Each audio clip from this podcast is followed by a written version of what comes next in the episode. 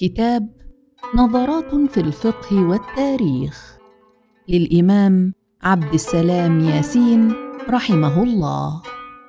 تقديم إخواني الأعزاء أخواتي العزيزات أيها المؤمنون أيتها المؤمنات. يقول الله جل وعلا إن الله يأمر بالعدل والإحسان وإيتاء ذي القربى. وينهى عن الفحشاء والمنكر والبغي يعظكم لعلكم تذكرون. أريد أن أحدثكم إن شاء الله في رسالتي هاته عن أفق عملنا الموفق بفضل الله ومنته واضعا المنهاج النبوي في مكان الضوء الكاشف لما نتطلع إليه من مستقبل الخلافة على منهاج النبوة. ذلك الوعد الصادق من الله ورسوله الذي يحدو جهادنا. على هذا الضوء نرى الأحداث التاريخية المعاصرة. نرى التطور المذهل في العلوم والتكنولوجيا استأثر بهما من دوننا أعداء الإسلام. نرى الاتفاق بين شطري الجاهلية على التصدي العدواني لنهضة الإسلام. نرى فرقة المسلمين وتمزقهم. نرى هيمنة المادية الجاهلية وثقافتها في العالم. نرى احتلال العدو لأرض المسلمين واقتصادهم وعقلهم. نرى الأنظمة الحاكمة في بلاد المسلمين المجزأة اقطارا ودويلات تمثل الحكم الجبري الذي يتحدث عنه رسول الله صلى الله عليه وسلم. في الحديث الصحيح الذي يبشرنا بإشراق شمس الخلافة بعد ظلام العض والجبر. أذكر بالحديث الذي اتخذناه محورا لتفكيرنا ومرشدا لخطواتنا. روى الإمام أحمد بإسناد صحيح عن حذيفة أن رسول الله صلى الله عليه وسلم قال تكون النبوة فيكم ما شاء الله أن تكون ثم يرفعها الله إذا شاء أن يرفعها ثم تكون خلافة على منهاج النبوة فتكون ما شاء الله أن تكون. ثم يرفعها إذا شاء أن يرفعها. ثم تكون ملكا عاضا فتكون ما شاء الله أن تكون. ثم يرفعها إذا شاء أن يرفعها. ثم تكون ملكا جبريا فتكون ما شاء الله أن تكون. ثم يرفعها إذا شاء أن يرفعها. ثم تكون خلافة على منهاج النبوة. ثم سكت. مقدمات. الانحراف الخطير. إننا إذ ننظر إلى الأحداث المائجة في عصرنا ونعيش مع الأمة أملها في أن يظهر الله دينه على الدين كله كما وعد ووعده الحق. لن نعدو محطات الآمال المجنحة الخائبة. تجنيحها وتحليقها فوق الواقع تحليقا يعطي النشوة المخدرة لكنه لا يعطي التبصر. إن لم نتخذ هذا الحديث الجليل وأمثاله دليلا لمعرفة الانحراف التاريخي الذي حول مجرى حياتنا ففقدنا بالتدريج مقوماتنا. ذهبت الشورى مع ذهاب الخلافة الراشدة. ذهب العدل. ذهب الإحسان. جاء الاستبداد مع بني أمية ومع القرون استفحل واحتل الأرض واحتل العقول. واعتاد الناس أن يسمعوا عن الخلافة الأموية والعباسية وهلم جرا وعاشوا على سراب الأسماء دون فحص ناقد للمسميات. سماها رسول الله صلى الله عليه وسلم ملكا عاضا وملكا جبريا وسماها المؤرخون الرسميون خلافة فانطلت الكذبة على الأجيال وتسلينا ولا نزال بأمجاد هذه الخلافة. وقد كانت بالفعل شوكة الإسلام وحاميه من العدوان الخارجي لكن في ظلها زحف العدوان الداخلي لما أسكتت الأصوات الناهية عن المنكر واغتيل الرأي الحر وسد باب الاجتهاد. في ظلها وفي خفاء الصراعات تكونت المذاهب الدساسة وتمزقت الأمة سنة وشيعة. وتشتت العلم مزعا متخصصة. عاجز فيها أصحاب التخصص عن النظرة الشاملة. لا يجسر أحد على بسط منهاج السنة والقرآن مخافة السلطان. كان القتال في ظلها قد انتهى إلى تركين القرآن وأهله في زوايا الإهمال. أو الفتك بهم في قومات مثل قومة الحسين بن علي رضي الله عنهما الدموية وفي ظلها تسلط السيف تسلطا عاتيا وتقدم أصحاب العصبيات العرقية فحكم بنو بويه والسلاجقه والعبيديون وهلم جرا حكم كل أولئك تحت ظلها يفتي تحت ظلها المفتون بشرعية حكم المستولي بالسيف. وسلام على الشورى وعلى العدل والإحسان. ضرورة التفكير المنهاجي. إن لدى دعاة الباطل ليبراليين واشتراكيين وقوميين ويسار إسلاميين وكل مزيج مريج من هذه الأصناف نسقا واضحا لتحليل الواقع ونقده وتحليل التاريخ ورسم مسار ممكن للمستقبل. ونحن نبقى في عموميات مطالبنا الراقية. نعبر عنها بعواطفنا الجياشة الصادقة المشتاقة لغد الإسلام الأغر.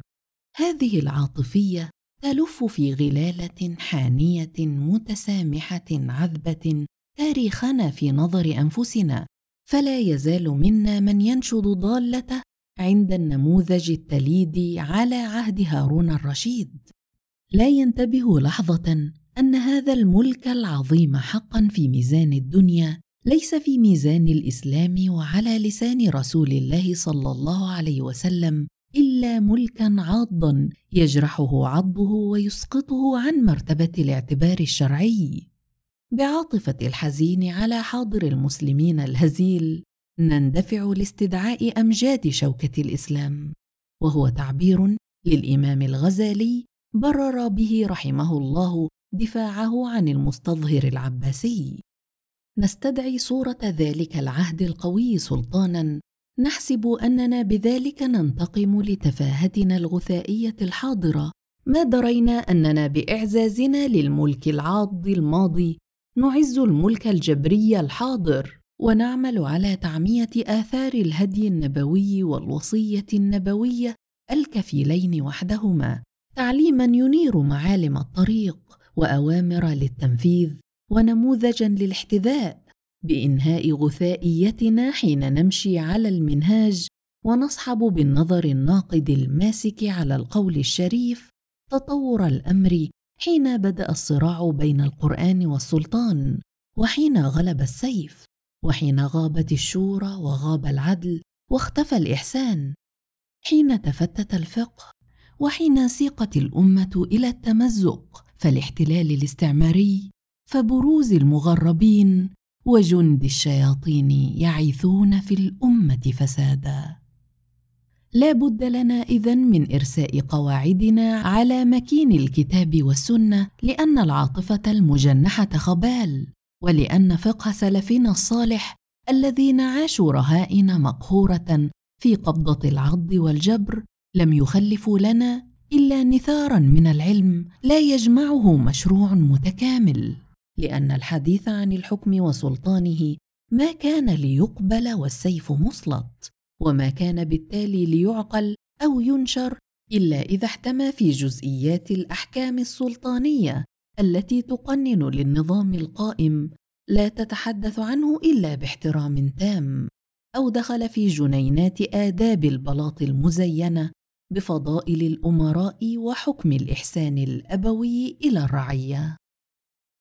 المنهاج النبوي ضروري لتفسير التاريخ والواقع ضروري لفتح النظرة المستقبلية ضروري لرسم الخطة الإسلامية دعوة ودولة تربية وتنظيما وزحفا ضروري لمعرفة الروابط الشرعية بين أمل الأمة وجهادها.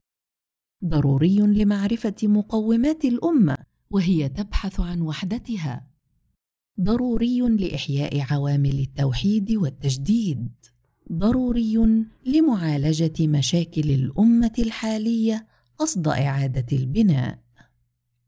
إن الصراع السياسي الداخلي والخارجي قبل القومة وأثناءها وبعدها إما أن يستحضر التوجيه النبوي الذي حذرنا بكامل الوضوح من العض والجبر. فيمكننا عندئذ أن نتخطى أنظمة الفتنة ونؤسس خلافة الشورى والعدل والإحسان. وإما أن نهيم على وجه الآمال الحالمة بأمجاد العباسيين وشوكة آل عثمان. رحم الله الجميع. فنقبع في سجن الأمية التاريخية وسجن الإعراض عن الوصية الخالدة الواعدة بمرحلة الخلافة الثانية المتميزة في نظامها.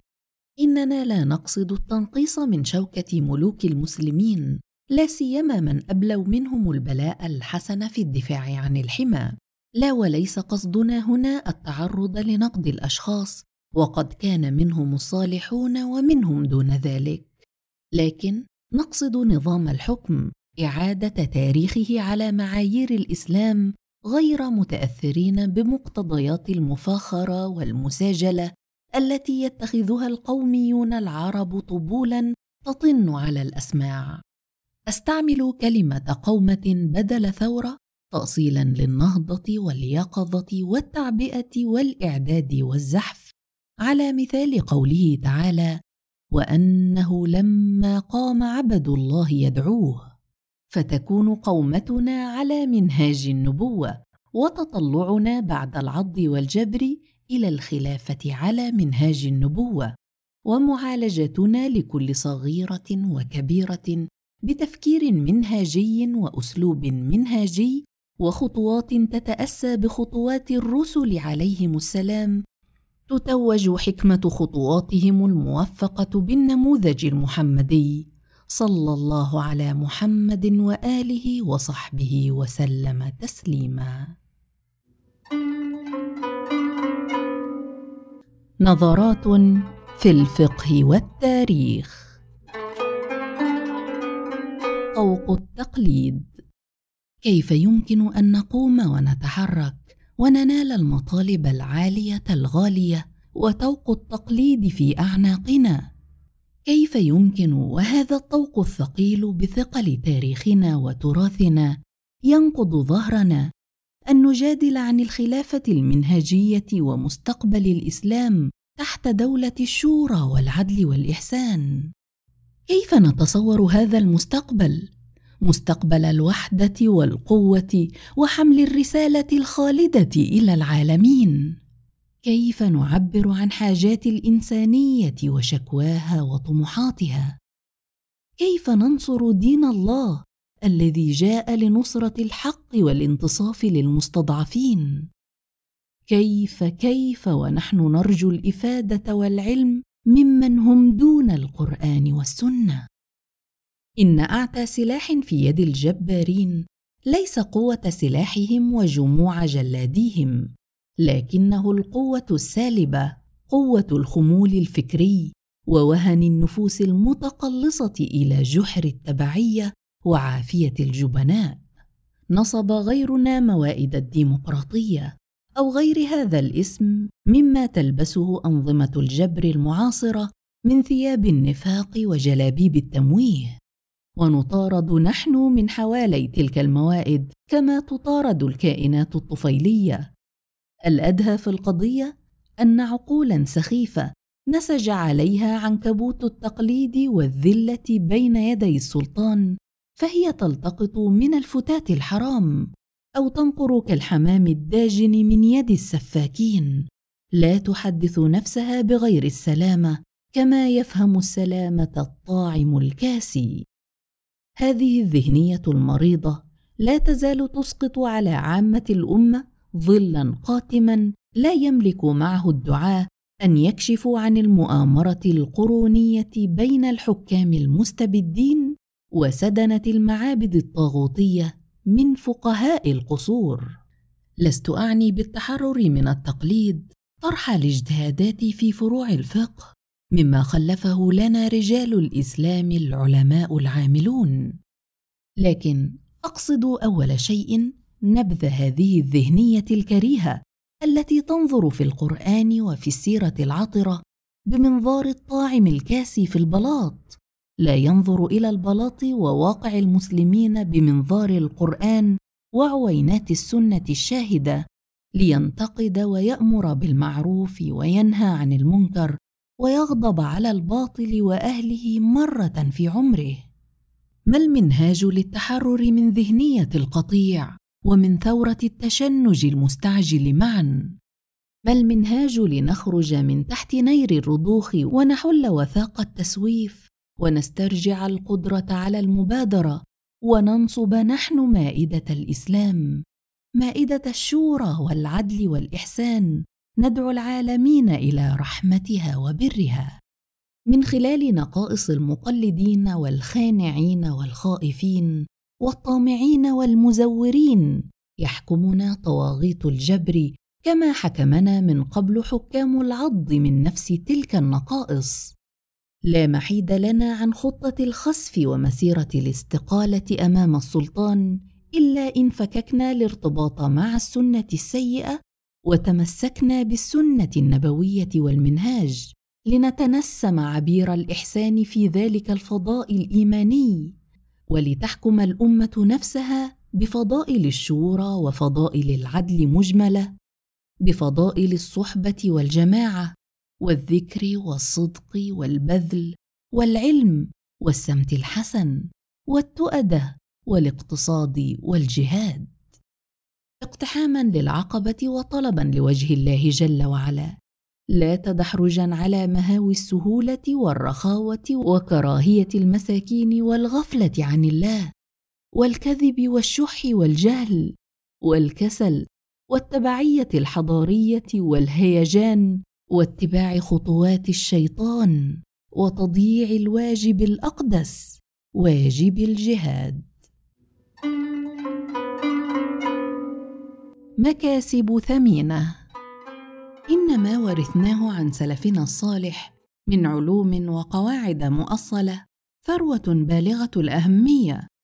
ما قننوه رضي الله عنهم من أسس في علم التعديل والتجريح وأصول الفقه وفروعه وأصول الدين وعلم السلوك. باق رهن إشارتنا. باق في تجزئته وبعثرته. كنوزا مدفونة في الدفاتر على أقفالها رموز يحلها فيستفيد منها من معه مفتاح الفقه الجامع الفقه الذي ينظر إلى العلم المؤثل من حيث موقعه من الحكم والظرف التاريخي والصراعات المذهبية وموقف أهل العلم رضي الله عنهم المحافظ المشفق على بيضة الأمة أن ترام وعلى حماها أن يضام. تراث مبعثر مكسر شذراته اللماعة لا تزال صالحة للانتفاع في سياق تجدد في النيات والحركة والجهاد. الفقه الجامع هو الفقه الذي يعم في نظرة واحدة الدعوة والدولة في علاقاتهما الأولى على عهد تأليف الجماعة من المهاجرين والأنصار رضي الله عنهم. ثم تطور هذه العلاقات تطورا توسيعيا على عهد الخلافة الرشيده ثم في تطورها إلى الفساد والكساد على عهود الملك العاض فالجبري. ثم في الوضع الحالي وقد أصبح للعلمانية والذهنية العلمانية والنوايا العدوانية على الدين الصدارة في تفكير الحكام وممارساتهم. حتى غطت الدولة على الدعوة تماما وألجأتها إلى منابر الوعظ المراقب الملجم المدجن أحيانا كثيرة. وإلى ركن الأحوال الشخصية بعيدا عن المجالات الحيوية المدنية والجنائية والاقتصادية والإدارية. ثم يعم الفقه الجامع في نظرة واحدة الدعوة والدولة وعلاقاتهما المطلوبة في مراحل البناء. كيف يستعيد رجال الدعوة مراكز القرار حتى يعود السلطان خاضعا للقرآن لا العكس. ثروتنا الفقهية العلمية الموروثة صلة غالية انحدرت إلينا من تلك الأجيال. تصلنا بهم وتحمل معها في صياغتها وتجزئتها وصراعاتها المذهبية آثار تاريخ حافل بالضغوط المتبادلة. كان لعلمائنا العاملين أحسن الله إلينا وإليهم فضل الصمود أثناءها صمودا حد من غلواء السلطان أطوارا. تجزئة ذلك الفقه مثل التجزئة السياسية المعاصرة في أقطار الفتنة. تمثل تحديا لنا أن نقوم نجمع بالاجتهاد شتات العلم وبالجهاد شتات الأرض والمجتمع الإسلامي متخطين كل التجزئات وكل الأفكار والاجتهادات والمواقف النسبية المظروفة بظروفها التاريخية. نعيد كل اجتهاد سابق إلى نصابه. نعرضه في حدود نسبيته على النموذج النبوي الكامل الذي طبق كلمة الله التي لا يأتيها الباطل من بين يديها ولا من خلفها.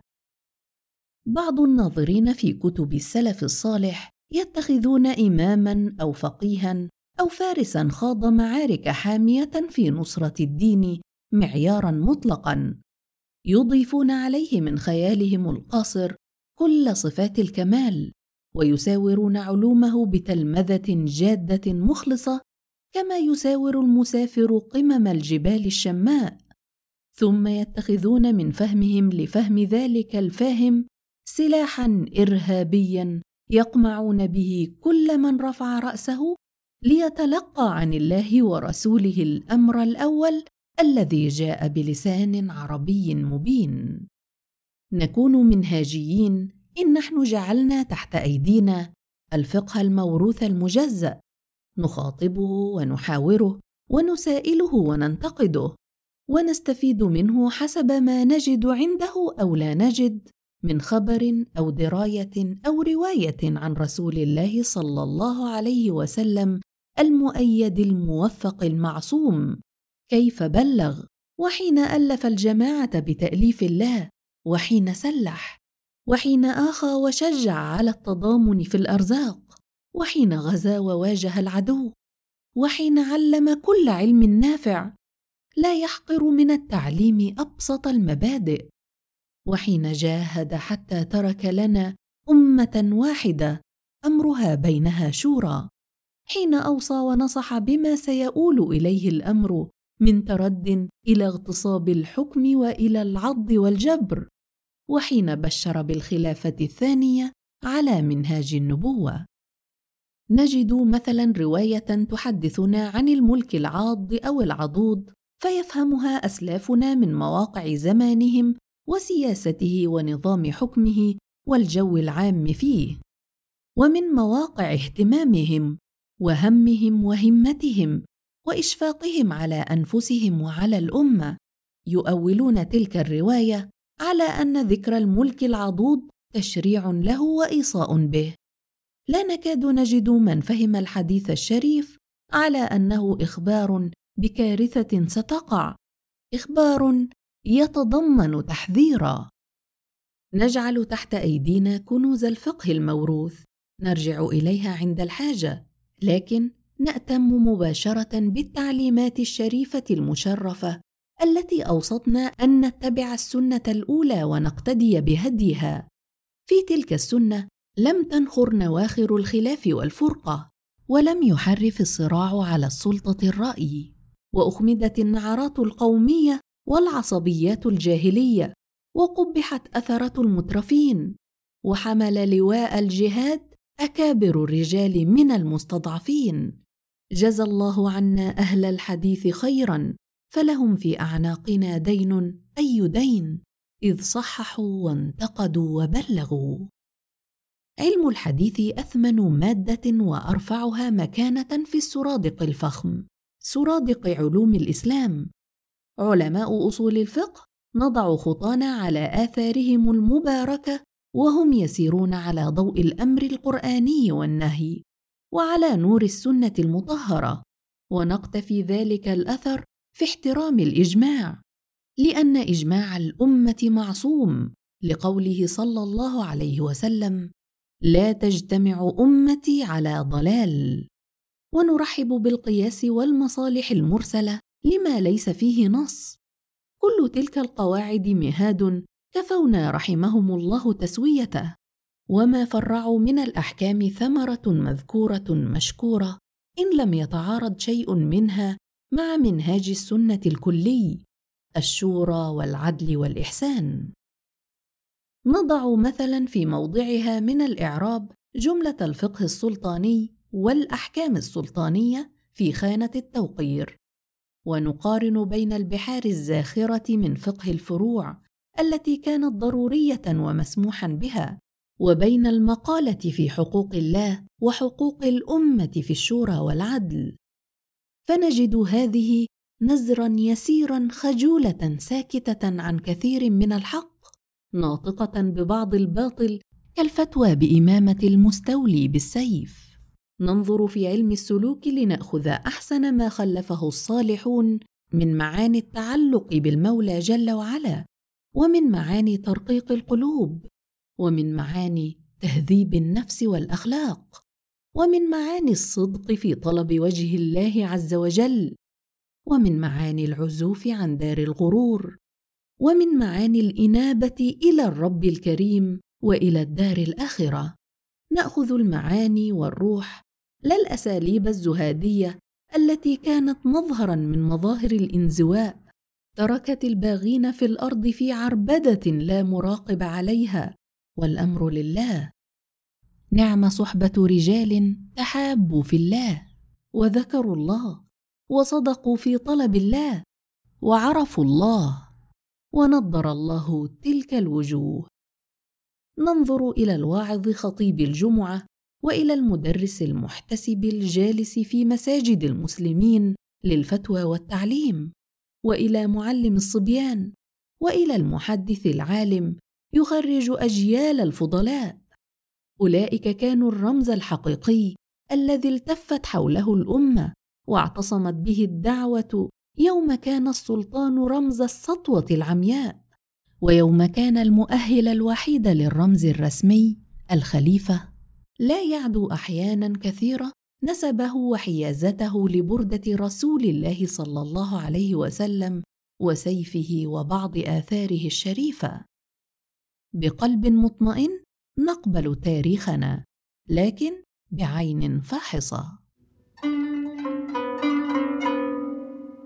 القرآن حاكم. هم مقعد مقيم أن يكون أتى على بعض المنتسبين للعلم حين من الدهر. زعموا فيه أن السلامة في الدين لا سبيل إليها إلا بتوقير القرآن توقير هجران. قالوا وبئس ما يجري التقليد على الألسنة. القرآن صوابه خطأ وخطأه كفر. استعجم عليهم كلام الله تبارك اسمه. لما انطمست القلوب وغش العقول ما غشاها. في كلمتهم ما يشبه اليأس أو ما هو اليأس بعينه. من أن يفهموا عن الله امرا أو نهيا. فبتقديرهم يكون ما يفهمونه من القرآن مباشرة خطأ ولو كان ذلك الفهم صوابا في واقع الأمر. ما دام فهمهم لم يكن تقليدا لعمدة حجة يقلدونه في دينهم. نرى اليوم موقفا معاكسا لذلك الموقف السادر في جهله وتجاهله. ألا وهو جرأة كل ناعق على كتاب الله يؤوله بالهوى ويتناوله بالمنهجيات المادية والجدلية والإحصائية والبنيوية في استهتار واستخفاف. إن كان عند غلاة الصنف الأول هجران للقرآن منشأه فرط الحذر من الوقوع في الخطأ تعظيما لكلام الله جلت عظمته فعند زنادقة العصرانية يتم تجريد النص القرآني من قدسيته ليصنفوه مع النصوص التاريخية يحتل بينها مكانته على سلم التطور الأيديولوجي في الفكر العربي. فإذا قلنا ايمانا ومذهبا بتحكيم القرآن والرجوع إليه والرضوخ التام لأمره ونهيه فلا بد أن نحدد حمى القرآن وحرمته. والتورع الواجب في الاستشهاد به والاستنباط منه لكي لا نقع في مهاوي الذين اتخذوا آيات الله هزؤا. ولكي لا نحشر إن نحن استخففنا بالحرمة ووقعنا في الحمى مع الذين اشتروا بآيات الله ثمنا قليلا. فصدوا عن سبيله إنهم ساء ما كانوا يعملون. كان الصحابة رضي الله عنهم عربا فصحاء يعرفون البلاغة العربية سليقة ويذوقون المجاز والإشارة فيتنزل القرآن وهو غض حديث البروز إلى عالم الشهادة على أسماعهم يسبقه التعظيم والخشوع لما علموا من أنه كلام من رب العالمين ويتنزل على قلوبهم ومعه الحلاوة والطمأنينة والاستعداد الصادق لطاعة الله في أمره ونهيه. كانت آياته في أسماعهم وعقولهم توجيهات مباشرة تعالج قضايا الساعة التشريعية والجهادية وتذكر بسنن الأمم الخالية وتعطي الأسوة بسير الرسل والأنبياء عليهم السلام. لم يكن شيء من كليات القرآن خافيا عنهم. ولم يكونوا يتقعرون في الجزئيات إذا كان علمها لا يبين حكما ولا يفصل في مسائل العقيدة والحلال والحرام. ورد السؤال عند عمر وفي رواية عند أبي بكر رضي الله عنهما في معنى الأب في قوله تعالى وفاكهة وأبا فأعرض عن ذلك وقال ما بهذا أمرنا كانوا رضي الله عنهم يعلمون أسباب التنزيل والمقاصد الكلية للشريعة وعادات العرب في أقوالها وأفعالها وأحوالها ودخائل العدو الذي كانوا يجاهدونه ومراتب التكليف من واجب الفعل أو الترك فما دونه. ثم لا يكتفون بفهمهم حتى يسألوا رسول الله صلى الله عليه وسلم البيان والبيان وظيفة من وظائفه السامية به أرسله الله جل وعلا. كانوا يتأثمون ويتورعون أشد التورع عن تفسير كلام الله سبحانه وتعالى بالرأي. روي عن الصديق رضي الله عنه وقد سئل في شيء من القرآن في خبر أن المسألة كانت عن الأب فقال كلمته المشهورة التي ترسم لنا حدود الحمى القرآني وحرمته في قلب المؤمن. أي سماء تظلني وأي أرض تقلني؟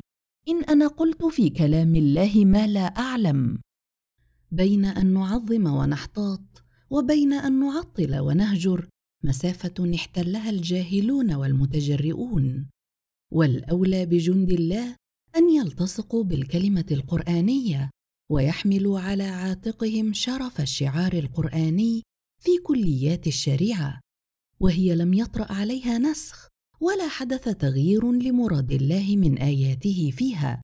ولنترك لأهل الاختصاص والاجتهاد النظر فيما اختلف فيه ريثما يأذن الله عز وجل بنصب الحاكم على منهاج النبوة ليجتمع تحت إشارته الاجتهاد فإن حديث المصطفى صلى الله عليه وسلم الذي أفسح مجال الاجتهاد والثواب إنما ذكر الحاكم من قاض وعامل لم يذكر فقيه الفروع الواقف دون عتبة الإمارة العظمى الشرعية حيث قال إذا حكم الحاكم فاجتهد ثم أصاب فله أجران وإذا حكم فاجتهد ثم أخطأ فله أجر.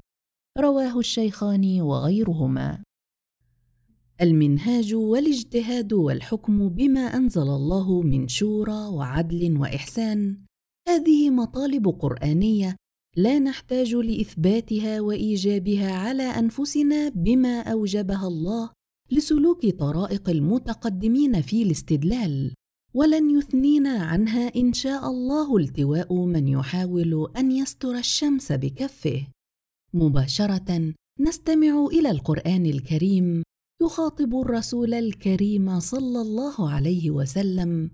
فاحكم بينهم بما أنزل الله ولا تتبع أهواءهم عما جاءك من الحق. لكل جعلنا منكم شرعة ومنهاجا. قال ابن عباس رضي الله عنهما المنهاج ما جاءت به السنة. والذي جاءت به السنة تطبيقا للقرآن وتحكيما له الحكم بالشورى والعدل والإحسان. بها أمر رسول الله صلى الله عليه وسلم ومن معه وبها أمرنا معهم. وخصصت أجيالنا الصالحة إن شاء الله ببشرى الخلافة الثانية على منهاج النبوة. لا يستطيع التجرد لحاكمية القرآن المباشرة وتحكيمه. المقلدة الذين رقدوا عند قدمي فحل من فحول العلماء الماضين إلى عفو الله إن شاء الله. جاهلين نسبية ذلك الفحل أو ذلك المذهب ومحدوديته في إطار تاريخه وتاريخ الحكم في عهده وملابسات اجتهاده السياسية والاجتماعية والشخصية والصراعية المذهبية التي خاضها. لا يستطيع هؤلاء أن يتخطوا التراث الفاخر ليجلسوا عند درجة المنبر النبوي يسمعون الوحي غضا والأمر العازم الذي يريد التنفيذ لا الجدل. بعض هؤلاء المقلدة يطرحون جانبا عن سذاجة أو حسن نية أو جهل. مناهج العلماء الذين خلوا من قبلنا ويحتفظون فقط بحسن النية تلك أو بقصد الرئاسة وغلبة الخصم في الجدال. بحرفية ذلك المجتهد وإنتاجه وفتاويه الذين اجتهدوا قبلنا كانوا يدافعون عن قضايا ربما تكون الآن اندثرت. كانوا يتفاعلون مع واقعهم بنيات معينة في مواجهات معينة بوسائلهم الممكنة لأهداف ممكنة. كانوا يجتهدون في نسبية تضع اجتهادهم مواضعه في الزمان والمكان والأهمية ويضعه المقلدة في مكانة المطلق. في المكانة التي لا تنبغي إلا للقرآن وللسنه المبينة. فيا عجبا لمن يحجبه عن كلام الله قول القائلين إلا أن يكون اميا جاهلا لا يهتدي حتى لمن هم أهل الذكر الذين أمر من لا يعلم أن يتوجه إليهم بالسؤال. تلك طريق سالكها غاد رائح في سكة التحجر والتعصب وضيق الأفق. عافانا الله بمنه. وسكة أخرى مفتوحة على التيه والضلال مؤدية إلى بلاد التسيب والتفلت والإباحية. هي سكة المستخفين بأئمتنا وما أسسوه من متين القواعد في علم التفسير وعلم أصول الحديث وعلم أصول الفقه وعلم أصول الدين. يدعون إلى قرآن لا يستطيعون أن يتقدموا إلى الأمة إلا باحترامه. وإلى سنة يعرضونها على العصر وما جد فيه لا يعرضون العصر عليها لتدمغ باطله بحقها. وإلى إجماع يكون أشبه بالاستفتاء الشعبي بدل إجماع علماء الأمة المعتبرين شرعا. وإلى قياس من عندهم هو الرأي السابح بلا قيود في تيارات الهوى. لا يستحق منا الطواغيت الذين ينكرون السنة بالمرة زاعمين أن القرآن وحده الحق ولا بيادق الكفر والإلحاد. من مستغربي ما يسمى باليسار الإسلامي إلا الإشارة العابرة ليعرفهم كل مسلم يشهد أن لا إله إلا الله وأن محمدا رسول الله في زمرة المبطلين المفسدين في الأرض. وآخرون من أضرابهم قوم يخدمون القرآن في زعمهم المنكر يفسرونه تفسيرا عصريا ويضعون المنهجيات لفحصه وترتيبه على مداخل ترهات ما يسمونه بالعلوم الإنسانية. إنما يحتكم إلى القرآن ويرقى فهمه إلى التلقي عن القرآن ويحفظ حرمة القرآن من كان القرآن ربيع قلبه والنظر فيه قرة عينه والامتثال له راحة روحه. لا يضيره مع هذا أن يستفيد من علوم الأئمة وما من علم تناولوه إلا وهو في خدمة القرآن مستنبط من القرآن راجع إلى القرآن صادر عن القرآن والسنة مبينة منيرة. لا تجد هذه الفراشات الهاجمة على النار الجريئة على القول بغير علم إلا من صنف الذين غرست في نفوسهم محبة الفلسفة والعلمانية وثقافات الكفار أشربوا الغرب الجاهلي والشرق الجاهلي في قلوبهم فعن ذاك المشرب يترجمون. لا ينتهي إعجابهم بالحضارة المعاصرة ولا يملكون من التمييز ما به يدركون عوارها كما يدركه العقلاء من أهلها أنفسهم. لذا تسمعهم يتحدثون عن القرآن بصفته كتاب حضارة وكتاب تاريخ وكتاب ثورة. انقطع في أذهانهم الكليله أخزاهم الله وصل الإيمان بالله وباليوم الآخر. فعاد عندهم القرآن من أساطير الأولين لا من كلام رب العالمين. هذا ما يمنع هؤلاء أن يتخذوا القرآن حاكما يمنعهم الكفر ويمنع التقليد الأعمى القاطع أيضا عن القرآن. لا يشفع في ذلك أن يكون القاطع فارسا من فرسان علمائنا. لا يقدر المقلدة وهم في سجن تقليدهم للأقدمين أن يبصروا واقعهم على ضوء تقريرات القرآن وإخباره عن سنة الله وعن دفاع الله الناس بعضهم ببعض وعن الجهاد الواجب وعن الولاية والتكتل الواجبين على المؤمنين وعن الأمر بالمعروف والنهي عن المنكر وعن الشورى حكما والعدل الشامل تصرفا والإحسان غاية. تغشى تلك الأبصار تقريرات العلماء وتجريداتهم وخلافاتهم فتذهب بالنظر في تلك الطروس أوهامه بعيدا عن مقاصد المؤلفين والمفتين والمجتهدين قبلنا وهي كانت ذات دلالة وتحكم في واقع عصرها. فإذا به يجتر حروفا طار عنها المعنى كما طار هو في أجواء الجدل حائما دائرا ثملا أن ظفر بفقرة من كتاب حارب بها ذلك الفارس منكر زمانه ليحارب بها هو مخالفيه وناصحيه. منظار التقليد يفرض على الذهنية الكليلة ذهنية منشطرة منكدرة صورا من الماضي الغابر ووقائعه وأحداثه يسقطه على واقع العصر ليصف لحاضر المسلمين علاجات هي الهوس بعينه وليصدر فتاوى هي الفتنة بعينها وهي التناقض والفهاهه كل ذهنية يحجب عنها حاجب الكفر أو النفاق أو التقليد الأعمى حاكمية القرآن وهيمنته ونموذجية السنة الكاملة سنة الجهاد والشورى والعدل والإحسان. دعوة ودولة دنيا وأخرى. إنما هي ذهنية عاجزة عن فهم الإسلام وهو إسلام الوجه لله جل وعلا بيننا وبينه تعالى جد ربنا. كلمته المجيدة حملها إلينا رسوله الكريم صلى الله عليه وسلم. فمتى لم نقم وجهنا إلى كتاب الله تعالى صمودا إليه واستماعا وطاعة وتلقيا دائما وتلاوة وتدبرا وذكرا فلن نكون المسلمين.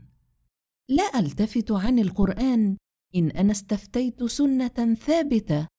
أو سألت عن فهم من سبقني بأثارة من علم.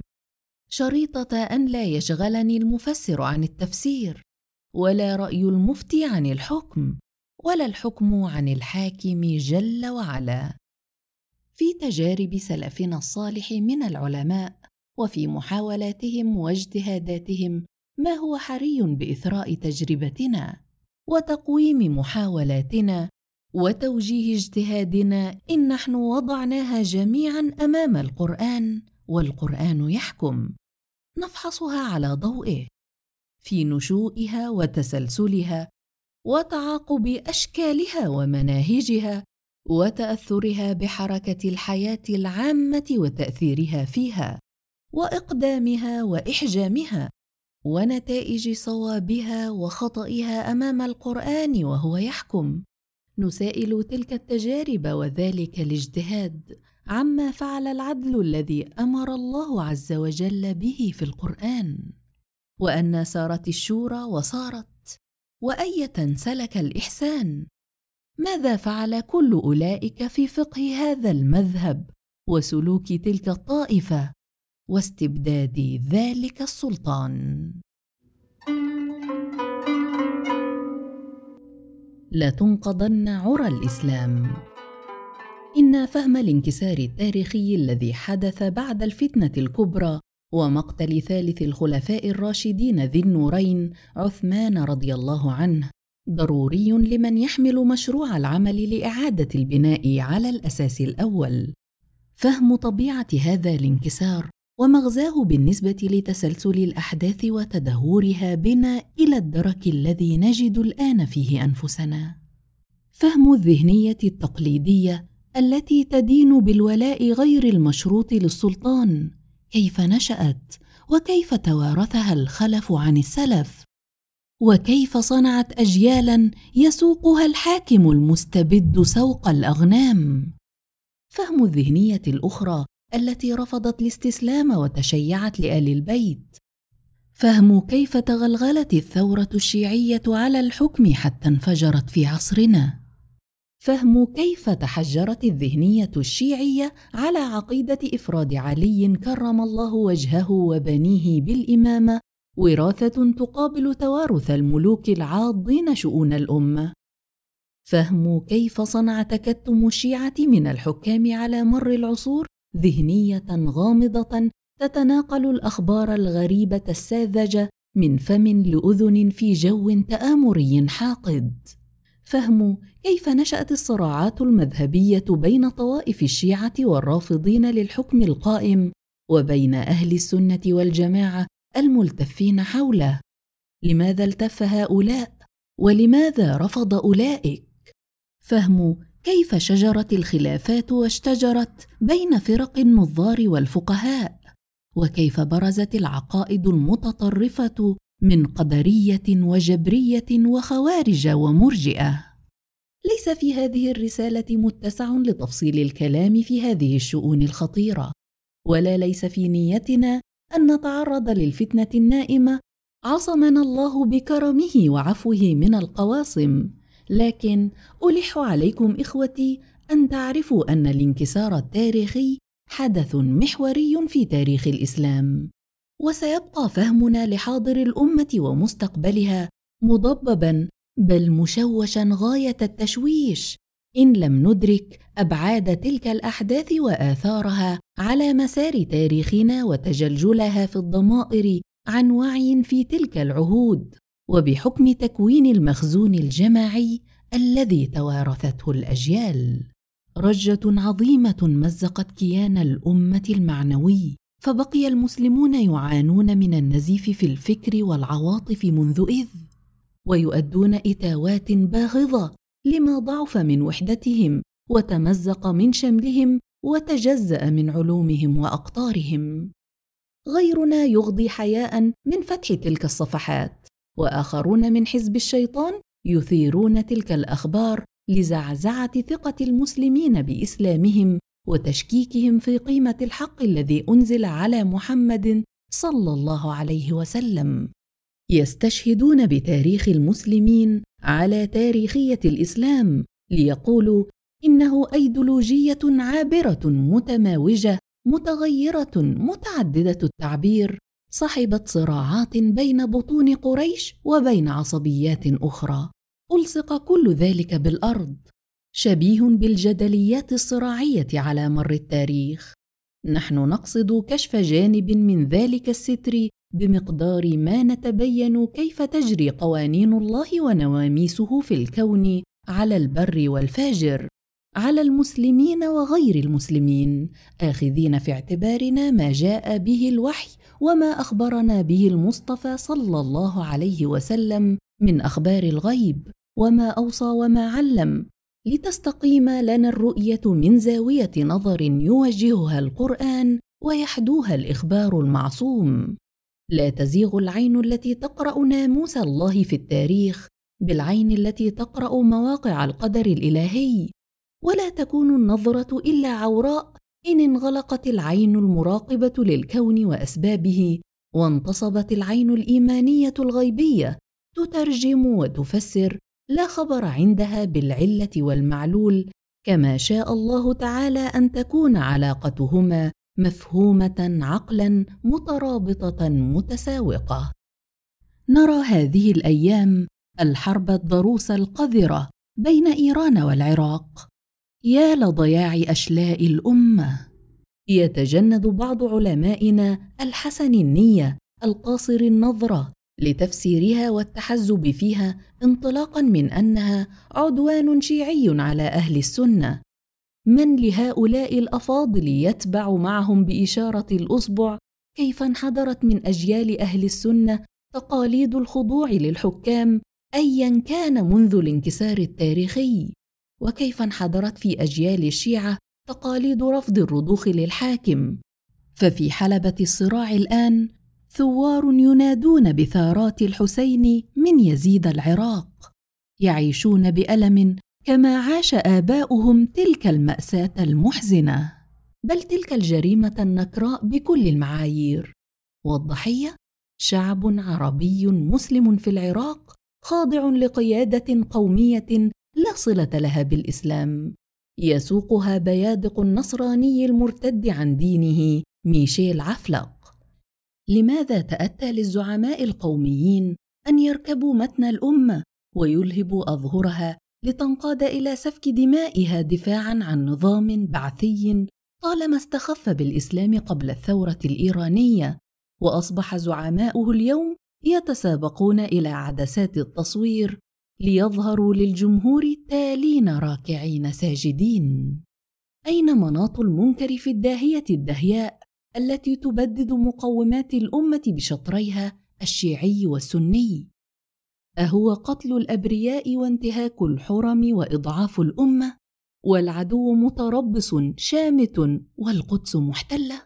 أم هو كارثة الأمية التاريخية السياسية التي تجعلنا نجرد الأحداث عن منطقها والصراع القائم عن منبعه ومغزاه ومصيريته وذهنياته القائدة وما ترسب فيها منذ الانكسار التاريخي وما تصور لها تلك الترسبات من ضرورة الاندفاع والاستماتة. إنه مخاض مؤلم فريد من نوعه في تاريخنا مخاض نرجو منه ميلاد الخلافة الموعودة تجبر وتأسو إن شاء الله الملك الوهاب. من المسلمين من يرفض بعينين مغمضتين عن التاريخ وحقائقه وعن الوحي وتعليمه معا أن يكون قد حدث انكسار أو أن يكون الحكم قد فسد. والسنة خضعوا والشيعة ثاروا. هلم بنا نربع على أنفسنا فما الجدل نريد؟ بل نريد أن نستسيغ غصص القدس وأفغانستان وحرب الخليج بجرعات من البلسم النبوي. تجرعوها الأحباب أجيال المسلمين مرة ولا يزالون. وإن قضاء الله عز وجل النازل بما كسبت أيدي الناس العائد بالرحمة فضلا من الولي الحميد سبحانه. نزل رجات يتلو بعضها بعضا إلى زماننا ونأمل من كرمه أن يحط أقدامنا على مواقع القدر الذي نطق الترجمان الإلهي ببشرى تنزيله بالخلافة على منهاج النبوة بعد كل هذا العض المؤلم والجبر. فالانتظار الواثق لتحقيق تلك البشرى هو بلسمنا والعمل على التعرض لها إعدادا وتربية وتنظيما وزحفا شغلنا بفضل من له المنة لا إله إلا هو. ليس الشيعة أعداء السنة وما ينبغي أن ينفخ النافخون في النار المستعرة ليزيدوها ضراما. إن رجعنا بالطمأنينة الإيمانية إلى مبعث الخلاف وميلاد الفتنة بقصد العلم المؤسس لعمل يوحد ولا يفرق يفتح الجرح ليضع فيه دواء لا لينكيه. فعسى نعلم ونعمل ولعل في الجواب عن السؤال البسيط هل فسد الحكم في عهد مبكر أم لم يفسد؟ بما يرتاح له ضمير المؤمن وعقل الناظر ومنطق المحلل ما هو كفيل أن يتوجه بنا إلى العلم النافع والعمل البناء.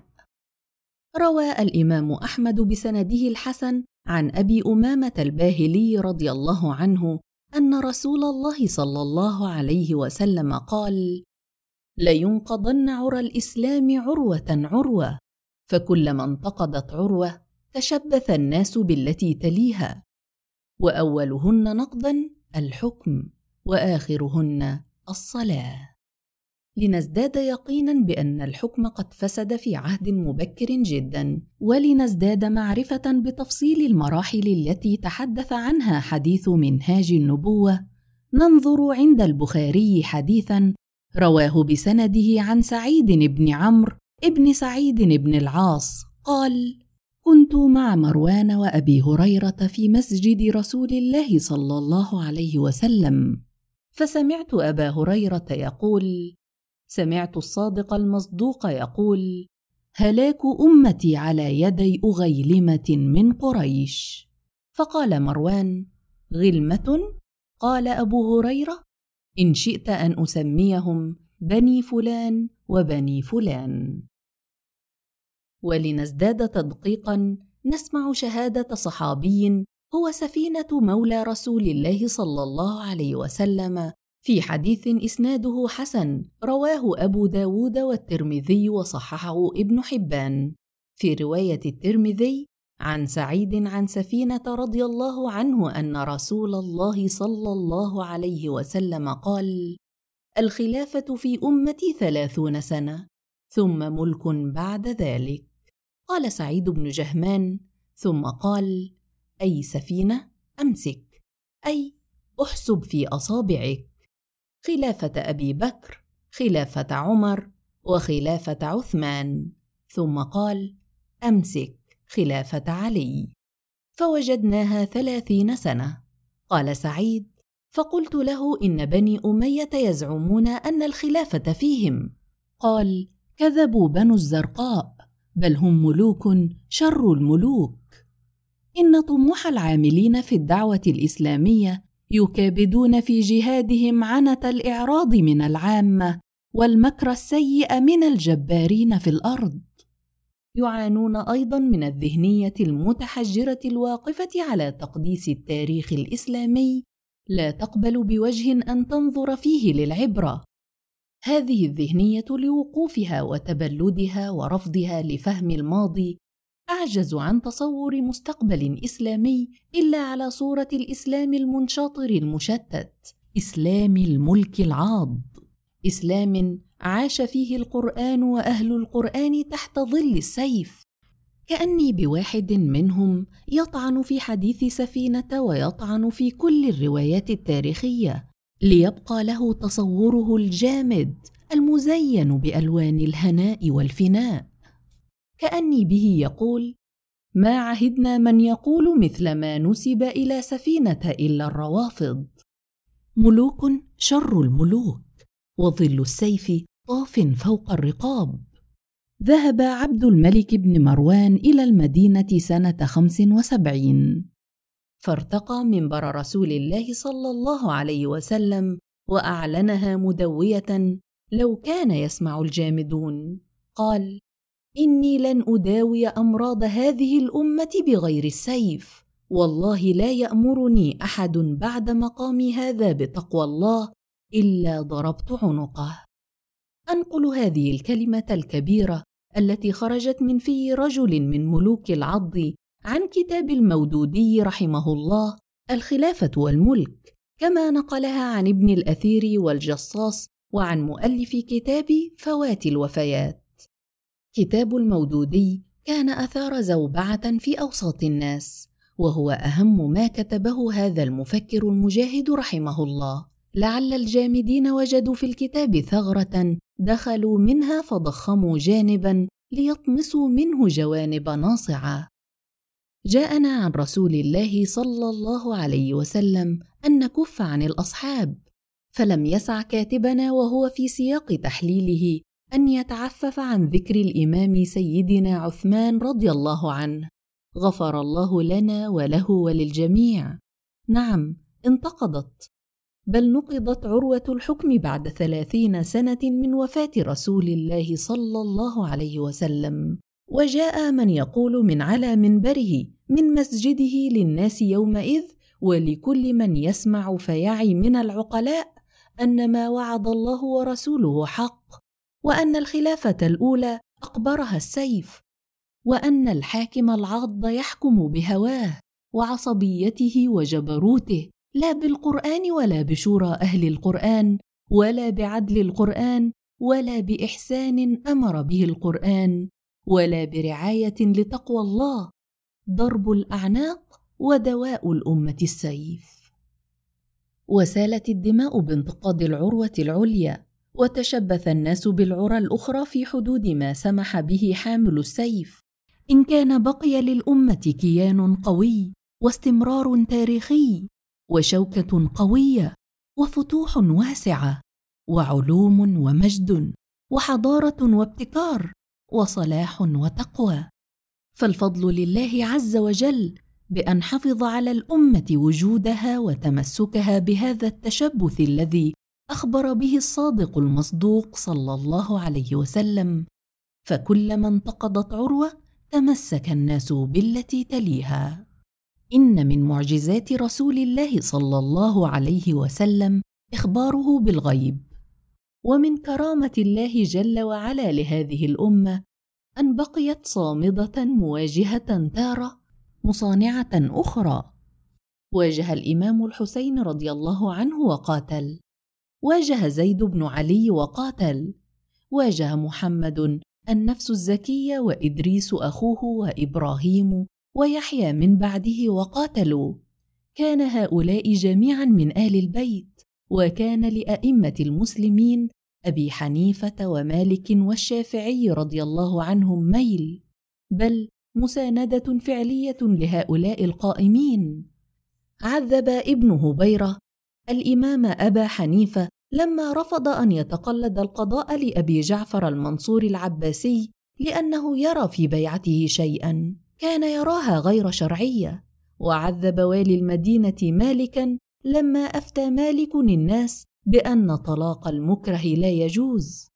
وكان المنصور يكره الناس على البيعه ويحلفهم بطلاق أزواجهم انهم لم يفوا بالبيعه وما ذلك إلا لأن مالكا رحمه الله كان يرى أن تلك البيعة فاسدة. إن مشروع الإسلاميين في عصرنا سيكون محدود الأفق إن لم نتفقه في تاريخنا. يغتاله الشعور بالمضض والألم لما وقع في ذلك العهد العنيف. عهد الانتقال من مرحلة الخلافة إلى مرحلة العض. لا ينقصنا العنف في مرحلتنا هذه تسلطا علينا أو هاجسا ملحا على بعضنا. فلكي نوسع الأفق ولكي نزيل الأسى على الماضي نتخفف لنمضي باطمئنان المؤمنين إلى تحقيق موعود الله جهادا فاعلا وتوكلا يتحرى مواقع القدر الحكيم. نقف عند محطة فكرية عاطفية إيمانية عينية عملية سياسية دينية لنتساءل ترى لما قبل المسلمون حكم السيف والهوى وضرب الأعناق؟ لمن ساقوا تحت إمرة فاسدة في كثير من الأحيان وهم كانوا في العالم قوة فاتحة هادية يداوون الناس كافة برفق الإسلام وقرآن الإسلام. بينما الحاكم في بيتهم هوى السلطان والدواء السيف وحل الخلاف ضرب الأعناق. لماذا استبدل سواد الأمة الأعظم الاستبداد بالشورى والظلم بالعدل وقبلوا تهتك الأغيلمة من قريش وطيشهم. لماذا سمعوا وأطاعوا الصبية اللاعبين؟ وهم كانوا أسد الشرى وعلماء الدنيا. لماذا حكم المترفون جهابذة الفقه وسادة القوم وأئمة الأمة؟ لماذا لم يمض الذين ساندوا القائمين من آل البيت إلى آخر شوط في العصيان لأمراء السوء؟ وكأن في مساندتهم تحفظا شل الحركة وفت في العضد وأوهن العزائم.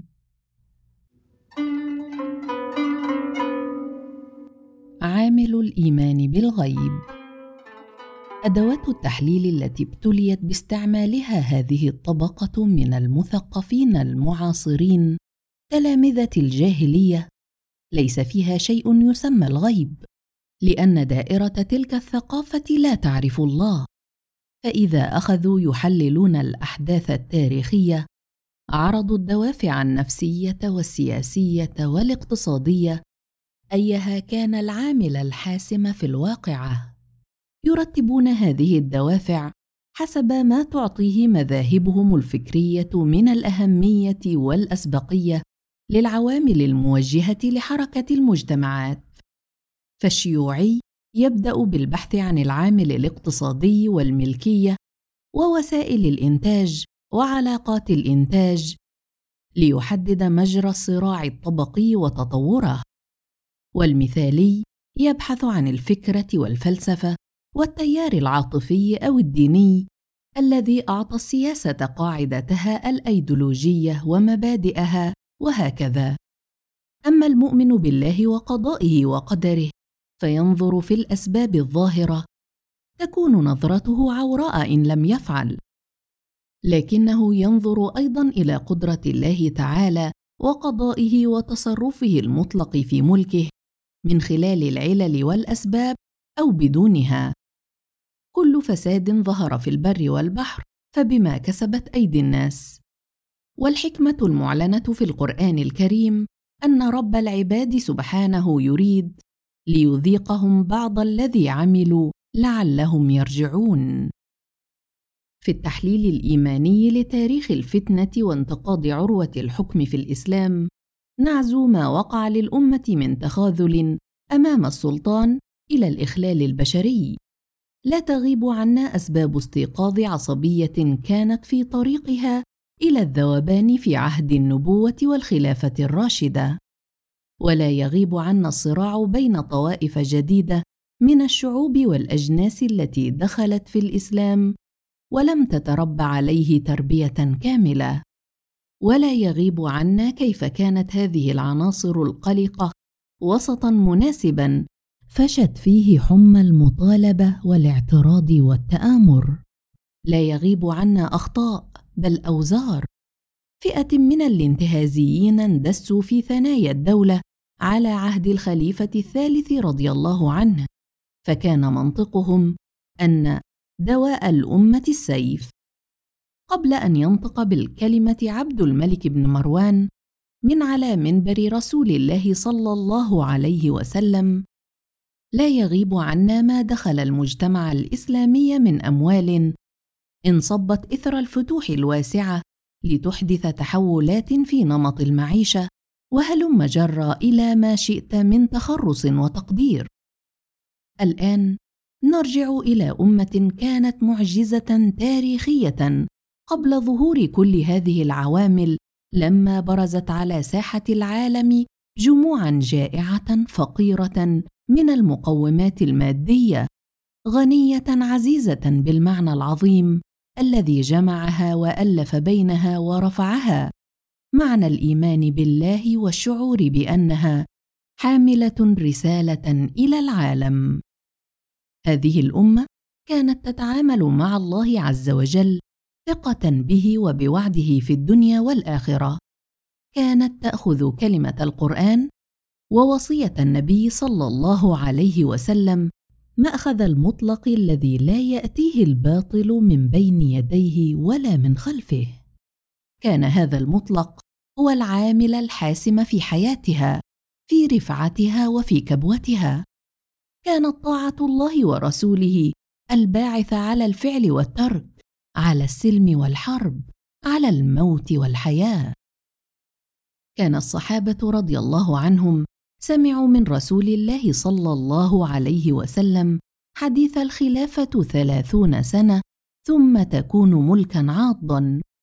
سمعوا وصدقوا أن عرى الإسلام ستنقض وأن أول ما ينقض منها عروة الحكم ورباطه. سمعوا أن هلاك الأمة سيكون على يد أغيلمة من قريش. فهل كانت كل هذه الإخبارات تمر على الآذان كما تمر أساطير الأولين؟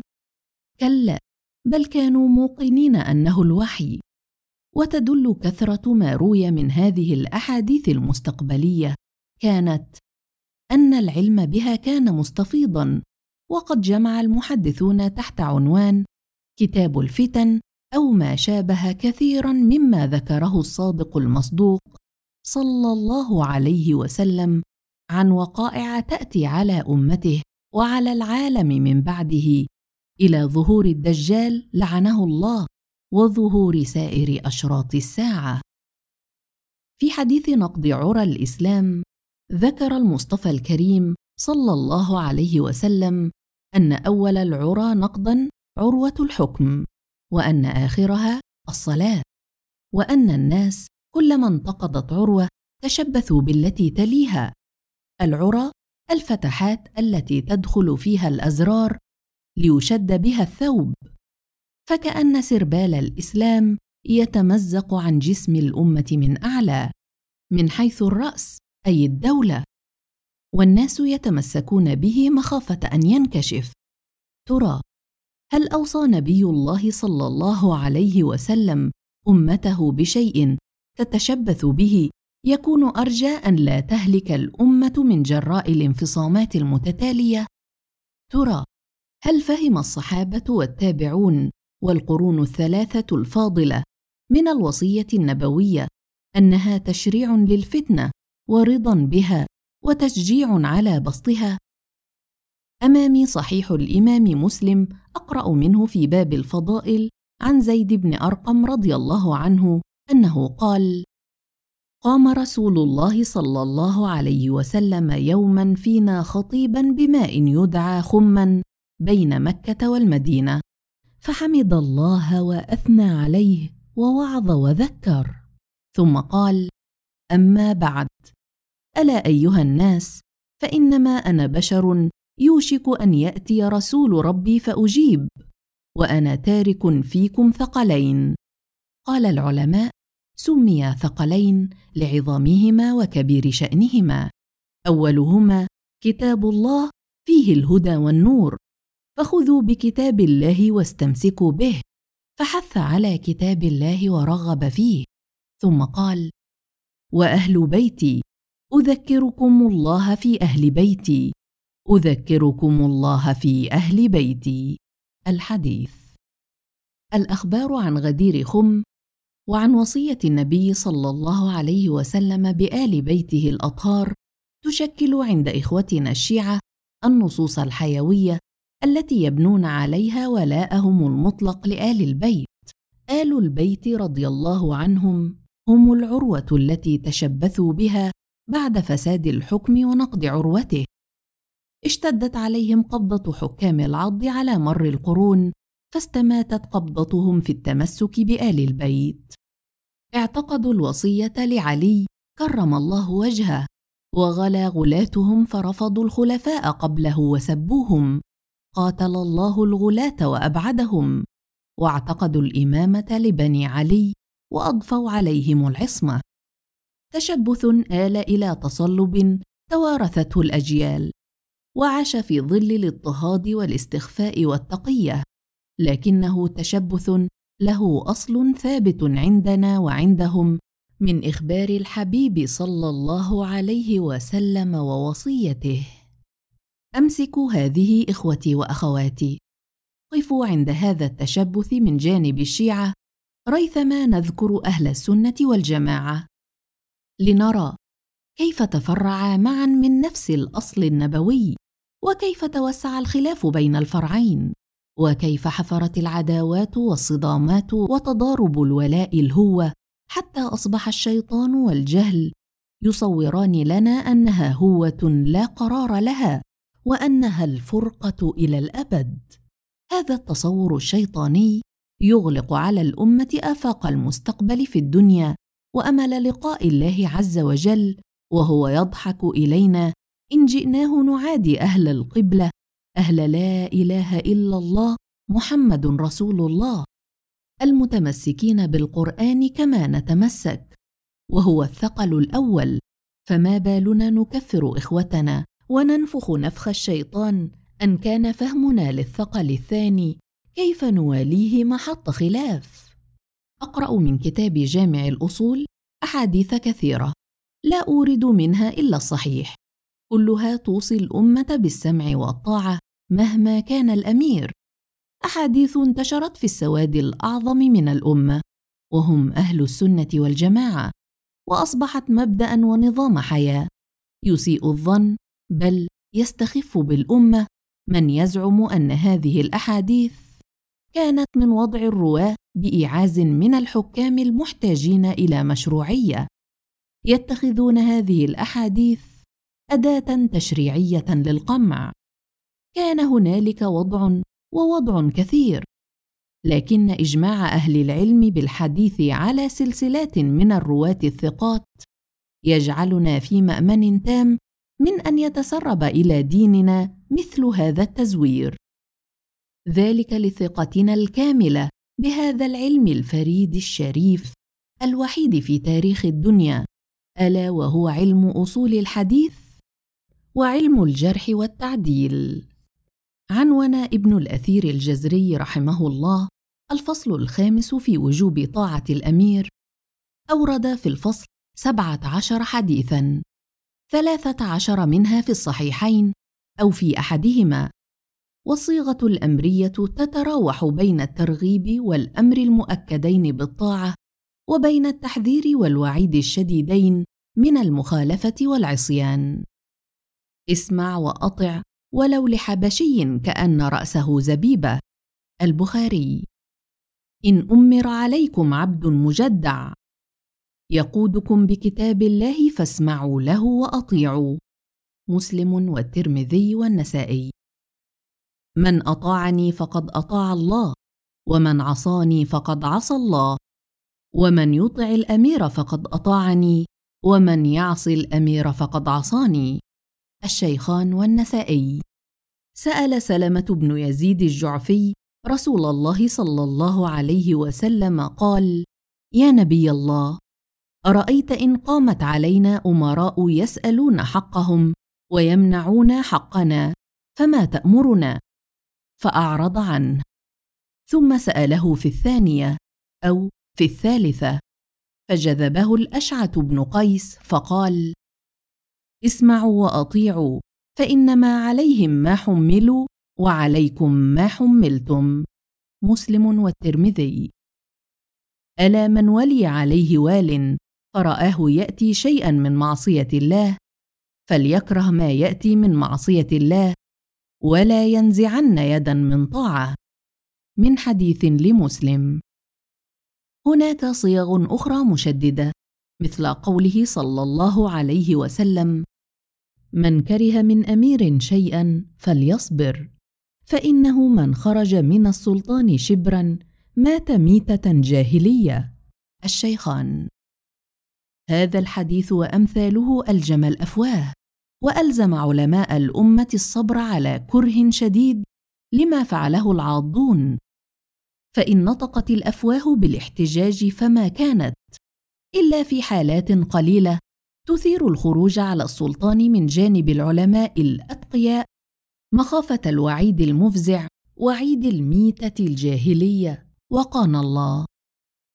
صرح الإمام أحمد رضي الله عنه بملء قوته لما ابتدع المأمون العباسي وفسق عن أمر ربه وحارب الله ورسوله بتبني رأي المعتزلة القائلين بخلق القرآن وأوذي الإمام فصبر جلد فغفر. كان وعيد الميتة الجاهلية رادعا قويا لأمثاله الضنينين بدينهم. وكان الملوك العاضون وسلاطين السيف يستغلون هذه النصوص ويربطون الناس ببيعة إكراهية تغل منهم الرقاب وتقيد الأرجل وتشل الحركة. ماذا تريد من مؤمن أن يفعل وهو يسمع حديث رسول الله صلى الله عليه وسلم القائل ثلاثة لا يكلمهم الله يوم القيامة ولا يزكيهم ولهم عذاب أليم رجل بايع إماما فإن أعطاه وفى له وإن لم يعطه لم يوف له. الشيخان والترمذي.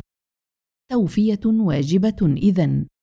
وإن اختل العدل في الحكم وفشى الظلم الاجتماعي واستأثر الحكام بالأرزاق لا يعطون إلا من نشوة المبذر المسرف في أموال المسلمين. وطغى في الأرض الفسقة الفجره تطيعهم الأمة على كره شديد وتحتفظ بهم وتغزو بغزوهم وتأتمر بأمرهم تسمع وتطيع.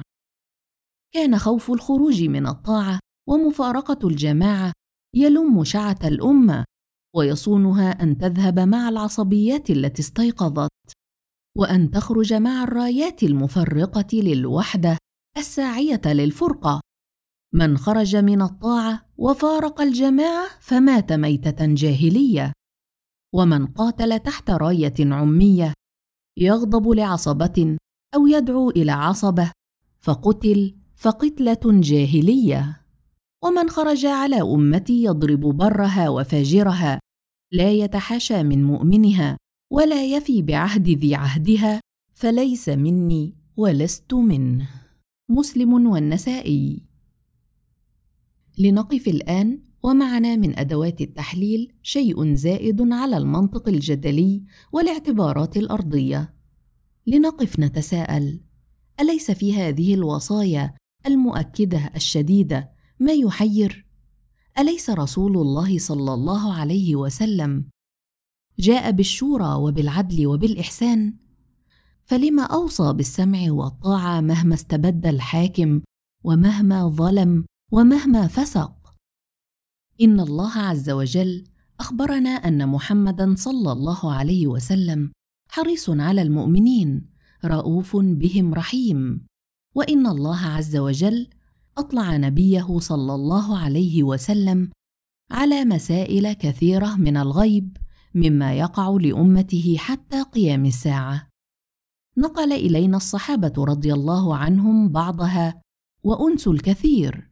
وإن الرسول الكريم حرص على وحدة أمته لما علم من قضاء الله الذي لا يرد قضاء الله العلي القدير الحكيم الذي اقتضى أن تكون فتن وأن يبتلى المسلمون بحكام العض والجبر لا يظلم ربك أحدا ولا يظهر الفساد في بر أو بحر إلا جزاء لما كسبت أيدي الناس لعلهم يرجعون. ولعلهم يؤجرون في الدار الآخرة إن كانوا مسلمين وصبروا واحتسبوا وقالوا باللسان والعمل إنا لله وإنا إليه راجعون. أطلع الله جل وعلا نبيه الكريم بما هو كائن لا محيد عنه وما كان لرسول أن يأتي بآية إلا بإذن الله. وبإذن الله نطق الرؤوف الرحيم صلى الله عليه وسلم. نطق بوصية السمع والطاعة لما علم من أن نوازع الاستعلاء والاستكبار ستظهر وسيظهر التسابق إلى السلطان والصراع على السلطان. فلا يكن ذلك على حساب وحدة الأمة وتماسكها الداخلي. ثمن هذا التماسك الصبر ثمنه الاستبداد وما يجره من خسف للحقوق. ثمنه الظلم وتوابعه. صليت بناره الأمة وصليت بنار الحروب الأهلية.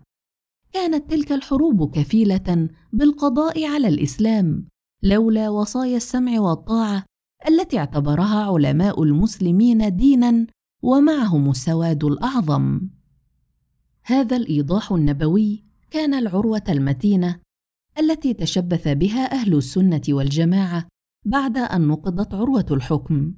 ولعل كثيرا مما وقع في تاريخنا من اضطراب في السياسة والحكم في المذاهب والاختلاف في الفقه والعقيدة في هروب الصوفية الطيب الأنفاس من الميدان وسكوت علمائنا عن تلبيس إبليس في الحكم راجع بعد قضاء الله وقدره إلى الحيرة بين التشبثين الواجبين بين التشبث بالقرآن وهو العروة الوثقى فيه الشورى والعدل والإحسان وبين التشبث بالسنة وفيها الأمر بالسمع والطاعة والتخويف من الميتة الجاهلية في حق من فارق الجماعة.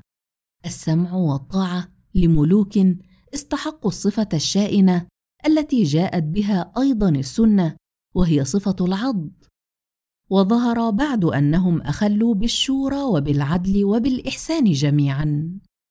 من حديث مسلم والترمذي والنسائي أن رسول الله صلى الله عليه وسلم قال إن أمر عليكم عبد مجدع يقودكم بكتاب الله فاسمعوا له وأطيعوا. لذا لا نجد حاكما عاضا فيما مضى ولا نجد من حكام الجبر الحاليين إلا من يتمسح بكتاب الله سبحانه ظاهرا ويعلن ولاءه له وخدمته وإخلاصه. فمن كان منهم من الصالحين وقد كان فإننا لا ندين الأشخاص بل ندين النظام. سدد وقارب ليطبق حكم الله جل شأنه على واقع متفلت. ومن كان دون ذلك فإنما كان يلعنه القرآن ولا تجرؤ الأمة في سوادها الأعظم وفي غالب الأحيان أن تخرج عن طاعته مخافة الوعيد المهول. فمن خرج من أهل السنة والجماعة خرج لتأوله وفهمه من الوصية النبوية ما لم يفهمه غيره. كان الحسين بن علي رضي الله عنهما والقائمون بعده زيد بن علي ومحمد وإدريس وإبراهيم ويحيى وكل القائمين في القرون الفاضلة من أهل البيت من أهل السنة والجماعة إذ لم يكن التشيع يومئذ تحول من كونه مشايعة وانتصارا لآل البيت الأطهار ليصبح مذهبا وعقيده كان هؤلاء القائمون الغاضبون لله المنتصرون للحق يعرفون الأحاديث المشددة على السمع والطاعة ولزوم الجماعة لا شك في ذلك. لكنهم أيضا كانوا يعرفون أحاديث الطاعة فيها مشروطة بأن يقود الحاكم الأمة بكتاب الله تعالى مثل حديث مسلم الذي قرأناه انفا. ويعرفون الأحاديث التي شرطت الطاعة للحاكم الذي يقيم الصلاة لا لمن يضيعها. مثل حديث مسلم عن عوف بن مالك قال سمعت رسول الله صلى الله عليه وسلم يقول خيار أئمتكم الذين تحبونهم ويحبونكم وتصلون عليهم ويصلون عليكم. وشرار أئمتكم الذين تبغضونهم ويبغضونكم وتلعنونهم ويلعنونكم. قال قلنا يا رسول الله أفلا ننابذهم عند ذلك؟ قال لا ما أقاموا فيكم الصلاة.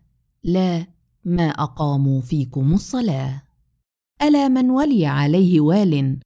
فرآه يأتي شيئا من معصية الله فليكره ما يأتي من معصية الله ولا ينزعن يدا من طاعة. حديثان لمسلم يشرطان الطاعة بشرطين أن يقود الحاكم الأمة بكتاب الله تعالى وأن يقيم الصلاة في الناس.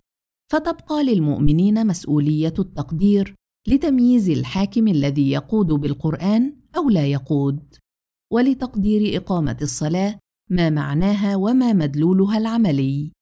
إن كان الرسول الكريم على الله المؤيد بالوحي يشير إلى مواطن القدر التي أطلعه ربه عليها مقدما النصائح فما كان له أن يستبق القدر بتفصيل ما ينبغي أن يبقى مطويا ولا بتعيين ما يجب أن يبقى إلى زمان ظهوره مسدلة عليه أحجبة الستر. ولا بتعريف حدود الشرطين الحاكمين. كتم صلى الله عليه وسلم ذلك وسكت عنه ليتحمل كل مسؤوليته ولئلا يكون للناس على الله حجة بعد الرسل. فقدر الله تعالى الحكيم لقضائه الأزلي لا يتنافى مع ما أثبته الشرع وما تعطيه الملاحظة من كسب العباد وحريتهم في الاختيار. كان من معجزات النبي صلى الله عليه وسلم أن أخبر بالفتن الطارئة على أمته من بعده. لا يعصم الأمة عاصم من أن تجري عليها الأقدار فتتميز عن سائر الخلق. وما بلغت نصائحه الشريفة صلى الله عليه وسلم أكثر من أن ترسم دائرة واسعة. في حدودها يحتفظ بوحدة المجموع دون أن تقيد مسؤولية أحد ليهلك من هلك عن بينة ويحيى من حي عن بينة وإن الله لسميع عليم. لا نشك لحظة أن الحسين بن علي رضي الله عنهما حين غضب غضبته وقام قومته إنما فعل لاعتقاده أن يزيد فسق عن أمر الله وقاد بغير القرآن وأضاع الصلاة. إن كان غيره قدر غير ذلك ورجح الطاعة فلا يعدو أن يكون مجتهدا. وإن سترت أجيال من علماء السنة كارثة قتل الحسين أو أدانتها على استحياء. فما يهون من فداحة إخلالهم ذاك في أعيننا إلا وجود تلك النصوص الثابتة الكثيرة الداعية للحفاظ على الوحدة. تأولوا في ظلها سلوك يزيد وأمثاله. وسكتوا عن الذل والإذلال وهم يسمعون بني مروان ويرونهم يصفون السيف دواء لأمراض الأمة وضرب الرقاب شفاء ويطبقون. لا يعذر إخواننا الشيعة احدا ولا يهون عليهم شيء من سكوت أهل السنة والطاعة ومعهم من النصوص ما إليه يطمئنون يجدون فيها الوصية النبوية بلزوم الثقلين كتاب الله وعترة النبي صلى الله عليه وسلم والقرآن وأهل البيت في اعتقادهم واعتقادنا مترابطان. نجد الإشارة إلى هذا التلازم في حديث للترمذي قال إنه حسن غريب. عن يزيد ابن أرقم رضي الله عنه قال قال رسول الله صلى الله عليه وسلم إني تارك فيكم ما إن تمسكتم به لن تضلوا بعدي. أحدهما أعظم من الآخر وهو كتاب الله حبل ممدود من السماء إلى الأرض. وعترتي أهل بيتي لن يفترقا حتى يرد علي الحوض. فانظروا كيف تخلفوني فيهما. وبعد فإن رسول الله صلى الله عليه وسلم أخبر كما رأينا في الحديث الصحيح عند البخاري أن هلاك أمته يكون على يد أغيلمة من قريش. نفهم كلمة الهلاك في النطق الشريف لا على أنه نهاية الأمة فإن استمرارها منذ اذ إلى يومنا أربعة عشر قرنا إلا أربعين عاما أو خمسين لا يقبل ذلك الفهم. لكن الأغيلمة ما وصلوا إلى الحكم إلا لمكان النظام الوراثي العاض الفاسد المفسد. ما كان لأمثالهم أن يتربعوا على السدة لو كان أمر الأمة شورى بينها ولو لم تلد العصبية المستيقظة من أسباب الأثرة والتسلط ما حال دون العدل وحرف مقاصد القرآن ودفع إلى المناصب العالية حامل السيف لا أهل التقوى والإحسان. وصول الأغيلمة للحكم واستمرار استبداد أهل العض والجبر كان النقد الأخطر إذ كان نقضا للعروة العليا. كان فساد السلطان توهينا للقرآن. من شأن السلطان في دولة الإسلام أن يخدم القرآن ويكون عنه وازعا مدافعا. فإذا أمسى السلطان مزورا عن القرآن مخالسا له مخاتلا كما نرى في عصرنا. فهلاك الأمة مستمر. وعلى الله القوي العزيز التوكل في أن يقف الانحدار. ثم تبدأ مسيرة اقتحام العقبة بجهد أهل القرآن بالعمل الدائب بالعلم النافع حتى يستقر السلطان في أيدي الأمناء الأقوياء حتى تكون الدولة آلة طيعة في يد الدعوة تشرف بها على عملية انتشال الأمة من أودية الهلاك والصعود بها إلى الذرى. لا إله إلا الله محمد رسول الله. من أعالي التاريخ. المشروع الإسلامي والطموح الذي يناجي ضمير الأمة وتتحدث عنه بفصاحة مدوية أحيانا عاجزة مقهورة احايين هذا الذي سموه بالصحوة الإسلامية. أفقه محدود مسدود لوجود الخلاف المذهبي والاستمرار الذهنية المقلدة المجزئة التي لا تستطيع أن تصعد إلى قمة العلم والهمة حيث يريدنا القرآن أن نكون. الخلاف المذهبي بين سنة وشيعة والخلافات التي لا نهاية لها بين المقلدة المجزئة تضع إرادتنا وفاعليتنا خارج التاريخ. وتبقي جسومنا وعقولنا ومصائرنا ومقوماتنا جميعا نهبا للجاهلية تأكلنا أفكارها وشقاقاتها وكفرها بالله واليوم الآخر من داخلنا ويأكلنا من خارج القهر المسلح والهيمنة الهاجمة والاقتصاد المستكبر. لا يزال حتى بين من أخذوا يفطنون للدين من يعيشون غربة مفجعة عن العالم وحقائقه والأحداث الجادة وجريانها. هذا فقيه أمي في العربية أمي في الحديث. معه آيات يتلوها بصدق تام وجهل بمعانيها ومقاصدها العالية كامل. تتحلق حوله جموع من العامة الراغبين في العلم السائلين عن سبل الإيمان. يستمعون إلى فتوى العصر في أمر خطير. ستعلم خطورة الفتوى بحول الله بعد قليل بعد وقفة استراحة وأية استراحة. بلد عربي يسكنه المسلمون ويحكمه ملوك الجبر. دخله السنوي مئة مليار دولار في السنة. ألف مليار دولار في عشر سنوات هي دخل هذه الدولة. وهذا المقدار هو حجم مديونية عالم المستضعفين أجمع مقدار من المال يحرر أربعة ملايير من سكان المعمور من ربقة الدين التي طوقت بها العالم الفقير مصارف المستكبرين وأبناك اليهود.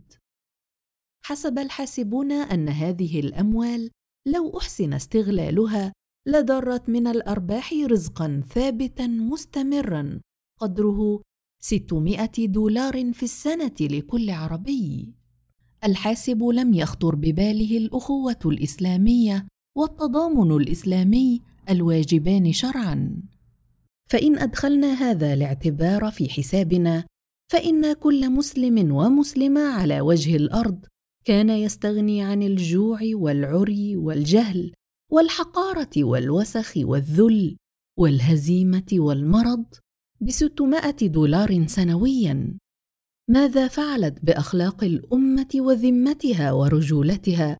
هذه الأموال التي بذرت في الكازينوهات وفي مساعدة حلفاء أمريكا وفي الخدمة المخلصة لاقتصاد الأمم الجادة التي تبني على الرمال الذهبية قصور إرم ذات العماد. وتبيع المصانع الاستعراضية وأدوات الترف وسفائن النزهة. ذهبت أموال المسلمين في المنكر والسوء. في حشد البغايا واقتناء أشرطة الفيديو الخليعة ولتمت أمة محمد صلى الله عليه وسلم ليحيا الفسقة الفجرة.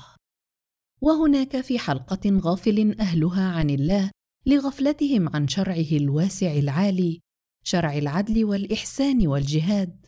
يقبع فقيهنا يصدر فتوى العصر الخطيرة يبين حكم الله في ذبح الحلزون. ماذا فعلت بالأمة قرون من الحكم العاض؟ قرون من انتقاد بل نقض عروة الحكم عروة الشورى والعدل والإحسان. ماذا فعل بنا الخلاف المذهبي الذي جاء نتيجة المواقف المتباينة أمام السلطان؟ ماذا كان أثر نقض الحكم على سائر عرى الإسلام حتى تتالى التفتت في عقلنا وأخلاقنا ومروءتنا وآدميتنا من جراء إصابة المقتل من ديننا. هذا إن شاء الله أوان الطلوع من الوهده أوان إعادة العرى إلى شدها بإعادة الحكم إلى نصابه الشرعي وما تبني القضايا التافهة والاشتغال بالخلافيات المضحكة المبكية كالخلاف في ذكاه الحلزون الذي لم يرد فيه نص. انقيسه على الجراد والسمك أو على الأنعام إلا بقايا الالتفات عن الدين إلى الدنيا وإلى الرئاسة على أضعف المجانين تتخذه الذهنيات المقلدة من الدرجة الثالثة سلما إلى الظهور والشهرة لما لم يتح لها أن تصطف مع المقلدة من الدرجة الأولى عند عتبات البلاط. يهبنا الوهاب بفضله همة عالية. لننظر إلى الواقع من أعالي التاريخ لا من أسافله. لنفهم من مكاننا العالي بين يدي الرسول الكريم صلى الله عليه وسلم يتلو علينا القرآن ويشفعه بالبيان. لمن حلت عرى الإسلام تباعا بانحلال العروة السلطانية. لما سكت من سكت وقام من قام واختلف من اختلف. لما مرضت الأمة المرض المهلك لما جاءت عهود الأغيلمة يسقون الأمة الحمام بالسيف يقتلون فيها الشهامة والمروءة. لم طردت إرادة الأمة من التاريخ؟ لما اغتيلت الشورى وتاهت على الكون إرادة المستبد؟ لما غاب العدل وطغى المترفون ونشأت واستمرت واستفحلت في عصرنا تقاليد ألف ليلة وليلة؟ لما تفتت الدين حتى بلغنا إلى درك الإسلام الفردي إسلام المتدين. لا يرى الدين شيئا آخر غير ركيعات ينقرهن إن كان أو رحلة يتمتع بعدها بلقب حاج. إن تتلمذنا للرسول المعلم الناصح صلى الله عليه وسلم مباشرة بعقلنا يتلقى التعليم وبقلبنا يتعرض لفيض الرأفة والرحمة. وبسلوكنا يجدد تاريخ الجهاد.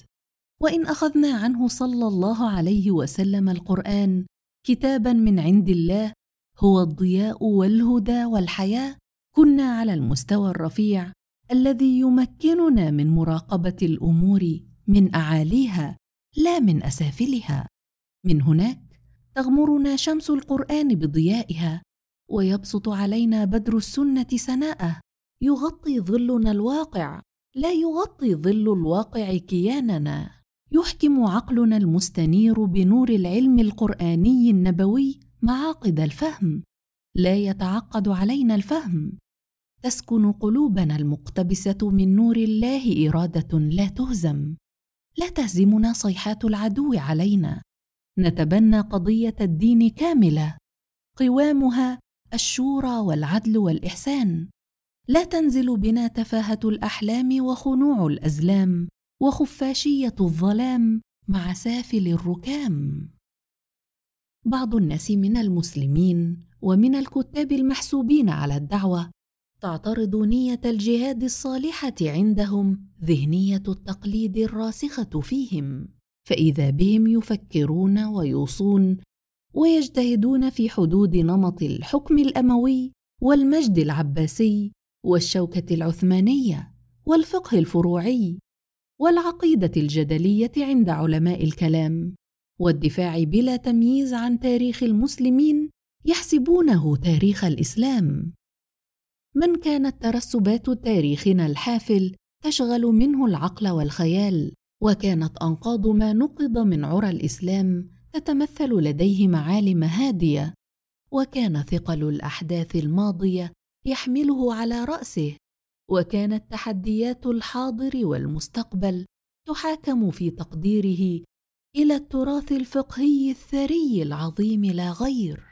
فذاك ينظر إلى الأمور من أسافلها يظن أن صناعة التاريخ لا تتأتى إلا بوضع نفوسنا تحت كلكله. هذه الذهنية التي لا تميز تاريخ الفتن وهو تاريخ المسلمين عن تاريخ الإسلام الذي كان نموذجا رائعا في اتجاهه وإنجازاته على عهد النبوة والخلافة الراشدة تكيل في صواع أعداء الدين من بني جلدتنا دون أن تشعر. تكيل في صواع القوميين العلمانيين الذين يعتبرون تاريخنا كتلة واحدة نسبية كلها جدلية كلها. تحمل بداياتها جراثيم تطورها وانجرافها. تفسر نهاياتها في زمن التخلف والهزيمة هذا محدودية الدعوة المحمدية وإقليميتها ومكانها في سلم التطور الاجتماعي الساري في المجتمعات البشرية المؤتمر بحتمية مادية جدلية. ما كان الدين والإيمان والله والآخرة والوحي إلا مقولات أيديولوجية خدمت لزمان فات ومات مشروعا كان ثوريا في زمانه. هؤلاء الأحباب حسن النية من المقلدة يمدون أعداء الدين بالحجة والدليل على أن الفكر الإسلامي فكر ماضوي لا يحسن سوى الدفاع والتبرير لا يحسن إدراك ما هو رهان الحاضر والمستقبل في زمن تتسابق فيه الأحداث. عن مطلق القرآن لن نحيد بتوفيق الله جل شأنه وما كسبه السلف الصالح من علم وفقه. روافد تغني تجربتنا. لا يضيرني أن أتخذ عالما وفقيها ومذهبا. دليلا في سفري العقلي ما دامت الدلالة والتفقه والتأصيل عمليات تتم تحت ضوء القرآن ونور السنة. يضيرني أن أقبل تقدير غيري من زمانه ومكانه ونيته وظروفه لقضايا خطيرة مثل قضايا الشورى والعدل والإحسان والزمان زماني والمكان والظروف والعزم. لكي لا تسبقنا الأحداث لكي لا ينحينا إلى الهامش حماس ثائر أو كراهية لتاريخنا أو قبول لمأثورات الفتنة غير مشروط. ينبغي أن نوطن الأقدام على مواقف راسخة برسوخ إيماننا بالله ورسوله وموعوده المنهاجي وأن نرفع الهمة على هامة الزمان ننتعل الثريا لنستحق أن نكون تلامذة راشدين بين يدي رسول من الله يتلو صحفا مطهرة فيها كتب قيمة. وما تفرق الذين أوتوا الكتاب إلا من بعد ما جاءتهم البينة. وما أمروا إلا ليعبدوا الله مخلصين له الدين حنفاء ويقيموا الصلاة ويؤتوا الزكاة وذلك دين القيمة. عرى الإسلام هل انتقضت؟ معرفة ذلك ومعرفة من أين بدأ النقض؟ وكيف توالى وتسلسل؟ فقه ضروري لنعرف من أين نبدأ الفتل من جديد. لا استعمالا للأنقاض واستنادا إلى سلطانها المعنوي لما اكتسبته من شرف الانتماء إلى تاريخ المسلمين. لكن بمادة جديدة خالدة لا تبلى هي مادة القرآن وعلى مثال سام لا ترقى إليه المهانة هو مثال السيرة النبوية العطرة. من تلك المرتفعات فقط يمكننا أن نبصر بوضوح وشمولية وانجماع في فكرنا وقلبنا وإيماننا وإرادتنا وحركتنا مواقع الأقدام على أرض واقع مفتون. ويمكننا أن نسير على المحجة البيضاء نكتشفها من جديد. قضاء الله عز وجل نزل في الماضي بما نزل وتحملت مسؤوليتها أمة قد خلت منا لا نتنكر لها ولا نكون. نعوذ بالله. من الذين يلعن بعضهم بعضا. وبين أيدينا دليل إلى المستقبل الزاهر. مستقبل الخلافة الراشدة الثانية. لا يخطئ الطريق. هو بشارة سيد ولد آدم صلى الله عليه وسلم. بين أيدينا جهاده المظفر. وسنته حين ربى.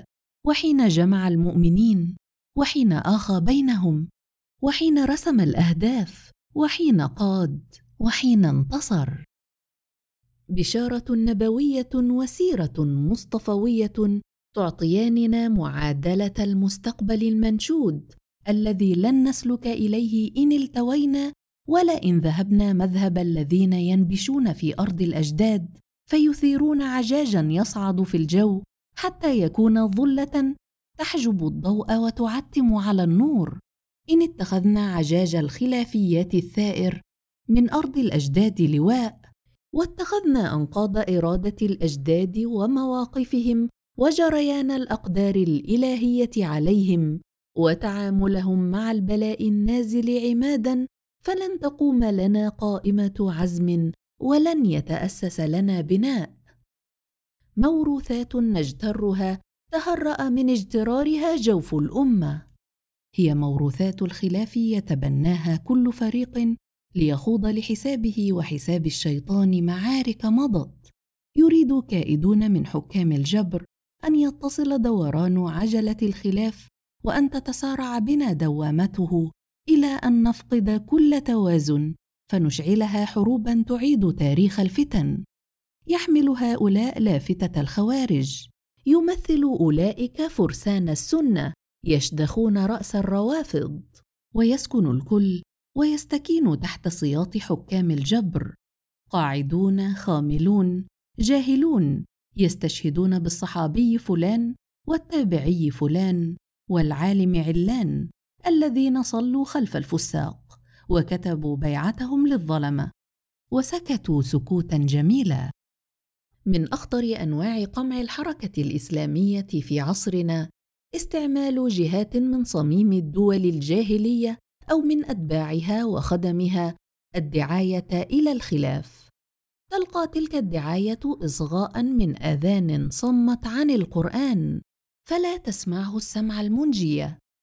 وتلقى تفتحا من أعين عميت عن السيرة الجهادية سيرة محمد وصحبه عليه الصلاة والسلام وعليهم من الله الرضوان رمز وحدة الأمة ومنبع كل خير.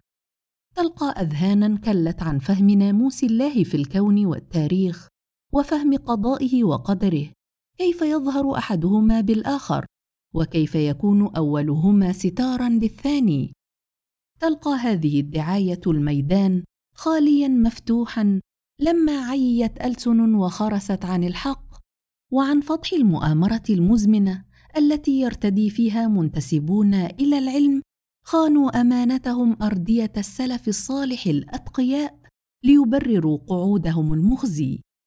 يحتج هؤلاء باجتهاد من عاشوا الفتنة بصبر واحتالوا جهدهم للحفاظ على وحدة الأمة يسمعون ويطيعون على مضض. لم يتخذوا آيات الله هزؤا ولا استخرجوا من أحاديث رسول الله صلى الله عليه وسلم وهو يصف الخلافة وحدودها الزمانية والملك العاض والجبري بعدها. فتوى خالدة تؤبد شرعية الظلم والاستبداد وتقضي بالخضوع التام ولو أصبحت كلمة شورى كلمة فارغة تقال على المسارح الهزلية. وتوصف بالمشاركة فيها مجالس مصنوعة معتوهه عن الرشد ممنوعة.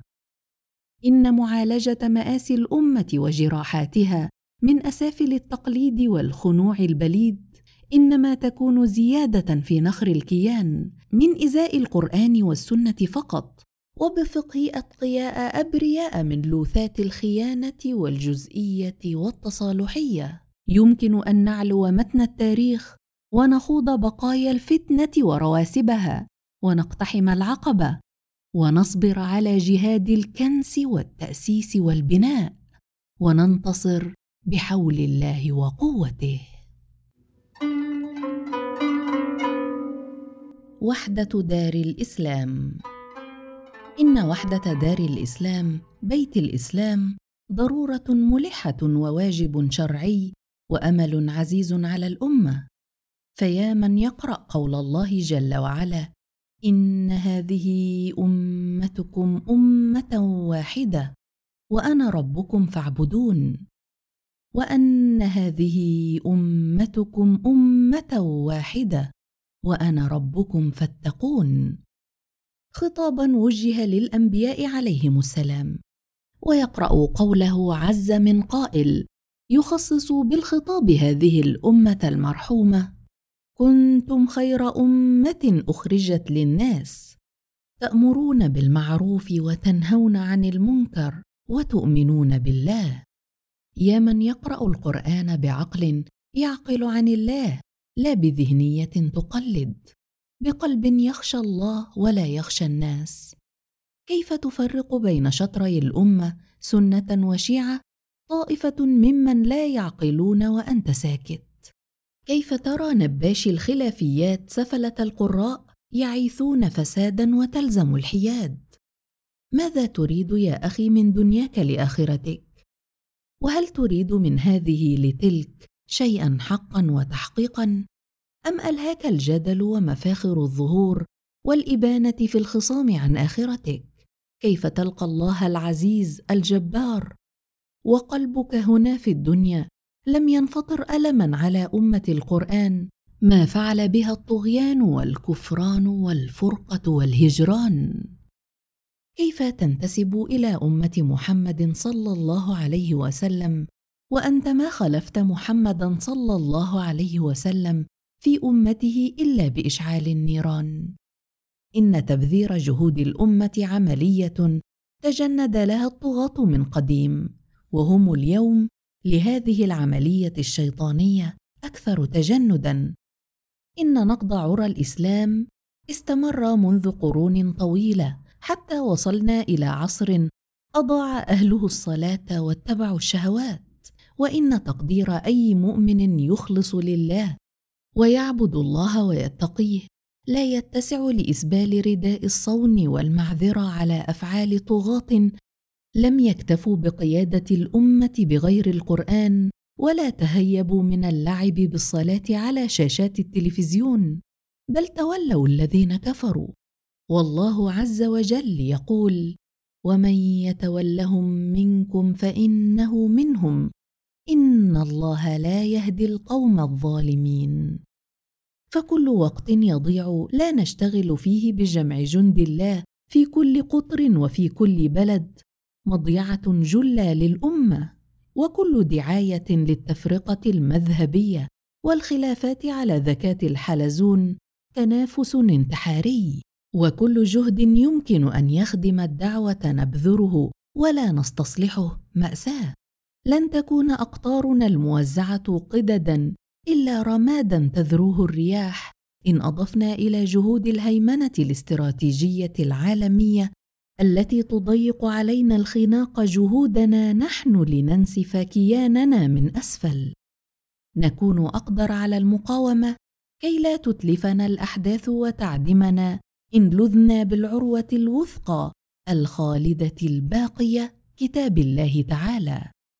حول القرآن يجب أن نلتف وبالصبر والزمن تأتي الوحدة إن شاء الله. لا تأتي بأمر يصدر إليها. يصدر إليها من أين؟ من يريدها؟ لم يريدها؟ من يخافها؟ ولم؟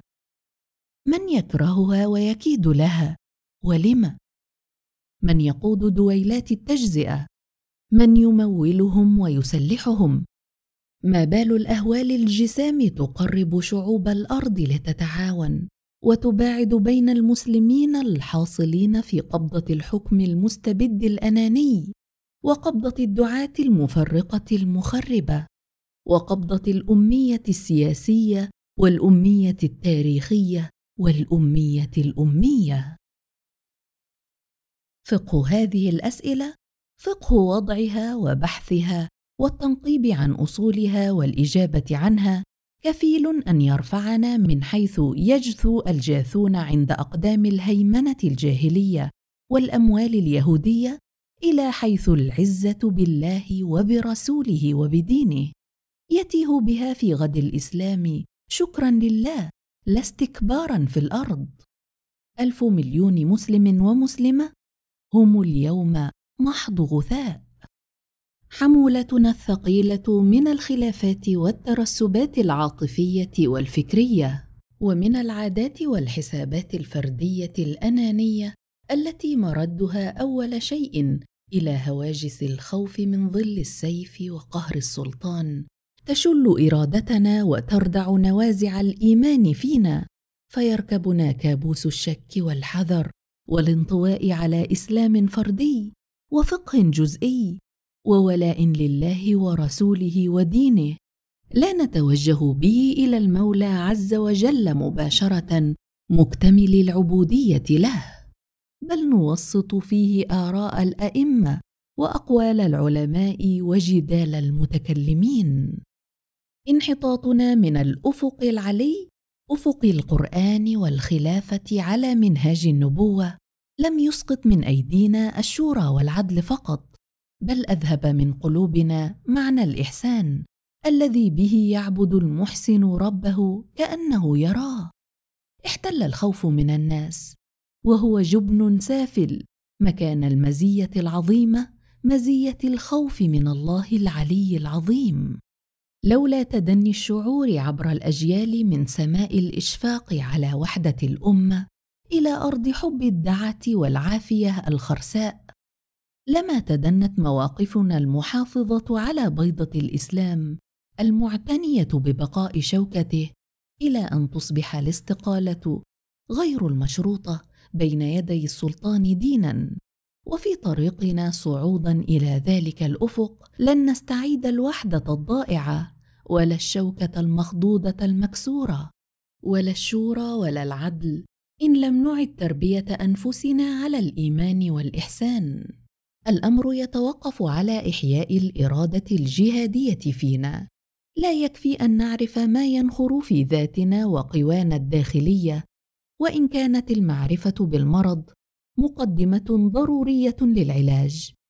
ولا يكفي أن نعرف الحمولة التاريخية ومراحل تطارحها علينا وإن كانت هذه المعرفة شرطا اساسيا. إنما نبرأ من المرض المتوغل ونتحرر من الحمل القاصم للظهور باليقظة الإيمانية والهبة الإحسانية والتعبئة الجهادية. ومع يقظتنا وهبتنا إلى الجهاد نحتاج إلى الاستفادة من تجارب تاريخنا وإلى عرض ما نتج عن أوزار الماضي وسلبياته. نستخرج منه دروسا إيجابية لتاريخ مستأنف. وعندئذ نختار عن وعي كامل وعن استعداد لما تتطلبه منا المهام العالية هل نختار الدخول بفرقتنا وتجزئة فكرنا وموروث خلافاتنا في ميزان القوى العالمي تطحننا رحاهم؟ أو نختار التقارب فالتفاهم فالتعاون فتوحيد النية وتجريد العزم على توحيد الأمة واستعادة ما ضاع من متانة تركيبها الأول؟ هل نريد؟ هل نريد؟ هل نريد؟ ذكرت إمكانية الاختيار وإمكانية الإحياء بإرادة متجددة. إن الرحى الجاهلية تطحن بالفعل جسمنا ومعنانا وإن استمرار الطحن والدك والتهديد بالقضاء المبرم علينا يدفع التحدي إلى مداه. ما نراه من ردود الفعل الشديدة المراس في أفغانستان المجاهدين وفي لبنان الفدائيين وفي إيران وعدائها للشياطين ليس هو الاختيار الواعي لكنه بشائره. ليس هو الإدارة الساعية إلى التوحيد بل هو مقدماتها. إن الأحداث لا تنتظر وإن حقائق التاريخ ودفاع الله الناس بعضهم ببعض من شأنها أن تتداخل فيها الحركات وتتضارب الإرادات وتصطك العجلات وتتراكب العمليات. فإذا قلنا بضرورة اليقظة الإيمانية والهبة الإحسانية والتعبئة الجهادية فإننا لا نتصور مراحلا يتهيأ فيها لجند الله هدوء الخلوة وصفاء العشرة وحلاوة الأخوة بعيدا عن ضوضاء الأحداث خارج التاريخ الصاخب ريثما تتم تعبئتهم للدخول في ساعة الصفر للميدان. ولا نتصور مصحة نعالج فيها في الجو المعقم أمراض النفس ورواسب الفتنة. لا نحتك بأحد مخافة العدوى. حتى يتم البرء وتكتسب المناعة. ولا نتصور محطات للاستراحة والترميم والتعديل. عندها نحط الأحمال. ونتخفف مما ينوء بنا من نازل الآفات. عندما أتحدث عن الأفق العالي وعن ركوب متن التاريخ من أعاليه لا من أسافله فأنا أعني دخول المعمعة واقتحام العقبة ومخالطة المجتمع وخوض غمار الجهاد والمجتمع مفتون سادر في خموله أو هيجانه والأفكار في تفاعل والاتجاهات السياسية في تصارع والتخلف الصناعي والعلمي والاقتصادي ضارب أطنابه وحكام الجور في كيد يكيدون ومن خارج رحى الجاهلية تطحن. إمكانية الاختيار وإمكانية الإحياء بالإرادة الإيمانية الإحسانية ومضة يلمحها جند الله من بين وهج الأحداث. وفرصة يغنمونها وطبول الحرب العامة المتداعية من كل حدب وصوب علينا تدق. ولا عاصم من أمر الله إلا من رحم. به وحده العزة وبرسوله. هذا وجه أخيك الشيعي. هذا وجه أخيك المنضم إلى جماعة غير جماعتك. هذا وجه مسلم ومسلمة لا يفصله عنك إلا مرحلة سبقته بها. هو ماد يده إليك على استحياء وحذر. هل نظرت إلى هذه الوجوه من أعالي الأمور ودواعي الوحدة والأخوة؟ أم نظرت إليها من خلال كتب مليئة بآثار الصراع الماضي حين كان يكال بالصاع صاعان؟ هل شوه تاريخ مضى وحرب قائمة وخلافات في الوسائل والمنطلقات والأساليب. وجوه إخوتك في عينك. هل يروقك أن تدمر قوى الشر الهجينة البشعة ديارك وتيتم أولادك وتقتل إنسانيتك؟ ثم لا تفزع إلى الملاذ الأوحد. كتاب الله العروة الوثقى الموحدة المنجية. امسح عن عينيك غشاوة التقليد. وعن قلبك امسح ران الغفلة عن الله رب العالمين. ومن عقلك انزع ذهنية التبلد على عادة الكسل. تبصر وجه أخيك في مرآة المحبة وقد مسح عنه تشويهات صنعها وهمك حبه لله ورسوله وإيمانه بالله وباليوم الآخر وتشبثه بالقرآن ودفاعه عن الحوزة وسخاؤه بالدماء والجهد لنصرة دين الله. إن أعداءنا يأكلون دنيانا حلوة هنيئة ونحن نأكلها مرة مرارة مضاعفة بضعف الفقر والذل. ثم نغص بمعاشنا هذا الكئيب غصتين. غصة الدنيا بما قعدنا وعجزنا عن الجهاد وغصة الآخرة بما ضيعنا من وحدة أمة محمد صلى الله عليه وسلم وكانت تلك الوحدة ولا تزال شرط حياتنا. مطالب الشريعة نقضت وحدة الأمة بانتقاد الحكم وضعف الإسلام التاريخي بنية منذ انفكت تلك العروة. وكل ما نشأ من حروب داخلية بين المسلمين ومن فتن مذهبية ومن مروق وزندقة ومن انحراف في العقيدة وثورة وعنف فإنما مرده بعد تعميق النظر إلى ذلك الانفصام الأول. أكتب هذا والحرب الضروس المجنونة بين إيران الثائرة باسم الإسلام والعراق الفائرة باسم القومية توشك أن تنهي عامها السابع. مظهر آخر من مظاهر الانفصام النكد التاريخي وشرارة من ناره. وأن ما نعيشه ونشاهده في هذه النكبة المؤلمة مضافا إلى ما عشناه من نكبات احتلال القدس وخذلان حكام الجبر للأمة بما منعوها من توحيد جهودها لتجاهد عدوها وبما بددوا من أرزاق وبما والوا الكفار وضحوا بالمقدسات ليحتفظوا بالسلطان مهما تمزقت الأمة وافترقت وأهينت. كل ذلك يلح على ضميرنا لنعيد النظر فيما رتبه علماؤنا من قبلنا في حديثهم عن مقاصد الشريعة. كان المقصد الأسمى من بعثة الخلاق العظيم سبحانه رسله إلى خلقه جليا مجتمعا كاملا متكاملا في فهم الصحابة على عهد النبوة والخلافة على منهاج النبوة التي لم تدم أكثر من ثلاثين سنة بعد انتقال المصطفى صلى الله عليه وسلم إلى الرفيق الأعلى. كان ذلك المقصد الجليل جليا في العقول والقلوب والنيات والعمل الجهادي بجلاء القرآن ونصاعة بيانه وحيويته الدافقة. هذا المقصد هو أن يكون الدين كله لله وأن لا تكون فتنة في الأرض وأن يدخل الخلق جميعا في طاعة الله ليحققوا الغاية التي من أجلها وجد العالم. وما خلقت الجن والإنس إلا ليعبدون. أمة واحدة تحمل رسالة للعالمين. تبلغها وتجاهد عليها وتتوحد عليها وتحكم بمقتضاها.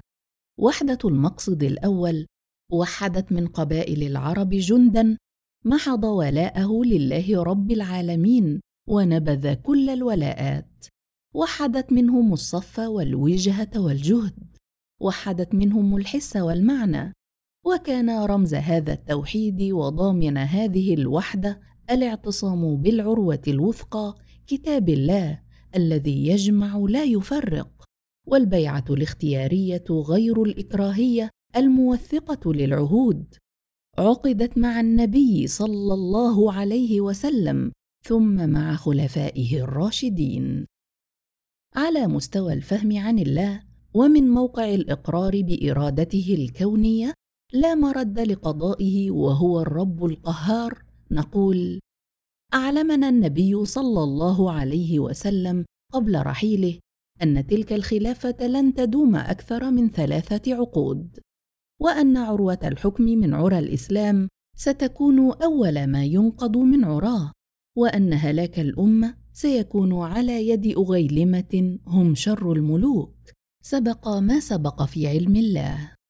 وعلى مستوى المسؤولية والتكليف الشرعي نقول ضيع المسلمون وحدة الشورى والعدل والإحسان وتمسكوا بعدها بوحدة قسرية تحت ظل السيف. رضخوا لحامل السيف تطبيقا للوصايا النبوية المشفقة أو قاموا ضد الحاكم. كل حسب تقديره لأحقية الحاكم أن يطاع. وعلى مستوى النظر المترامي إلى الإرادة الإلهية الكونية وإرادته الآمرة التي ورد بها الشرع الشريف نقول إن أمة محمد صلى الله عليه وسلم بقيادة علمائها وصالحيها وأهل الخير في كل زمان جاهدت وقاومت وحافظت على وجودها بتوفيق من الله عز وجل رغم البلاء المتعاقب رغم البلاء بفساد الحكام وخروج الخوارج وزندقة الفلاسفة وغزو القرامطة. والتتار والاستعمار. فهذه الأمة المجاهدة المرحومة المبتلاه لا يزال لها وجود وإن كان مشتتا وهي موعودة بالنصر إبان الخلافة الثانية. عليها أن تهب وتقوم وتجاهد لتلتقي بالوعد الصادق وأن تنهض بالعزيمة الكبيرة ليسلك قصدها ومشروعها المستقبلي مسالك الشرع المعبرة عن الأمر الديني. راجية من المولى الكريم أن يتطابق القصد ومقاصد الشرع مع مقصد الحق سبحانه في إرادته المطلقة.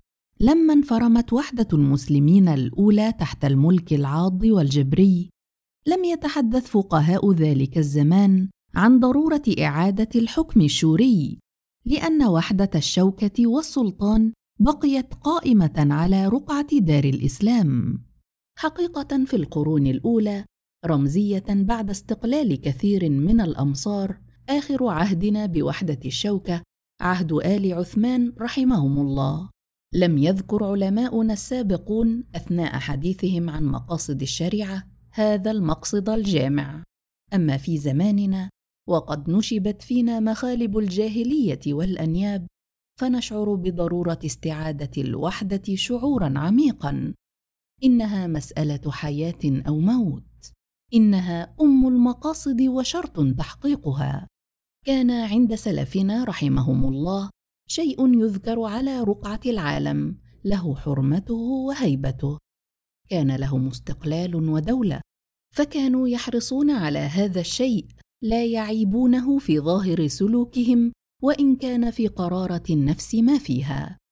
كانوا يريدون الحفاظ على ذلك الشيء لأنه كان حياتهم وسقفهم وبيتهم وسلاحهم.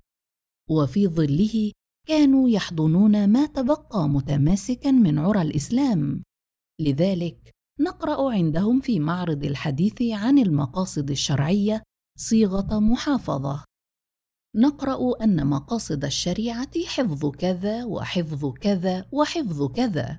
أما نحن فدويلات الجبر التي تبيعنا جملة وتفصيلا للجاهلية لا تعتبرها الأمة بيتها ولا سقفها ولا سلاحها ولا تستمر في العيش المهين تحت وطأتها إلا مكرهة كارهة مستعيذة بالله من الشيطان الرجيم.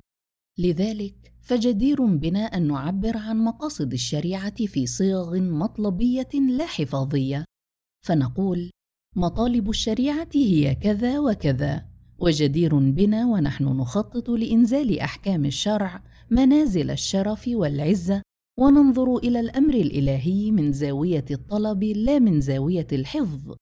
أن نذكر الوسائل التربوية والعلمية والمادية الجهادية القادرة على تحقيق مطالب الشرع وأن نبحث عن الكيان الجماعي المكلف بالنهوض إلى هذه المطالب. وعن طريقة وأولويات ما يطلب وعن العراقل في وجهه وعن العالميات الجاهلية التي تتحدى عالمية الإسلام وتنازعه في بقائه وعن مراحل الطلب وثقل الحمولة وسرعة الزمان. كان علماؤنا الأفاضل رحمهم الله وأجزل مثوبتهم يتدارسون مقاصد الشريعة في شتاتها وفرديتها. تجد من أبواب كتب الحديث وكتب الفقه بابا للإمارة والجهاد مصطفا مع الأبواب الأخرى. لا يحتل المكانه اللائقة بالعروة الماسكة لكل العرى. كأن علماءنا في كفاحهم الدائم ضد إرادة الحاكم بأمره انتهوا إلى تطليق هذه القضية العويصة قضية الحكم ليتفرغوا معرضين عنها إلى مهمتهم الحفاظية. انقبضوا عن قضية الحكم فانقبضت عنهم الرؤية إلى كليات الدين من الزاوية العليا. ونحن نأمل أن يبسط الله لنا مجالا واسعا بأن يرفعنا إلى المنطلق الأول إزاء القرآن الحاكم ننظر من أعلى لنتبين أهمية الوحدة التي لا تمكن إلا بالحكم الشوري الضامن وحده أن يسود العدل والإحسان. لم يكن لعلمائنا قبل الإمام الغزالي عناية بإحصاء مقاصد الشريعة وتصنيفها تصنيفا شكليا لسلامة الفطرة ولأن الكل كانوا أهل قرآن. وإنما نجد التصنيف والرصف في هذا العلم ومن علوم الأصول عند الإمام الشاطبي في القرن الثامن وقد أخذ شكله النهائي الذي يجتره المقلدة اليوم دون أن يطرحوا على التصنيف ولا على الصيغة سؤالا واحدا. نريد هنا إن شاء الله تعالى أن نقول كلمة أو كلمتين.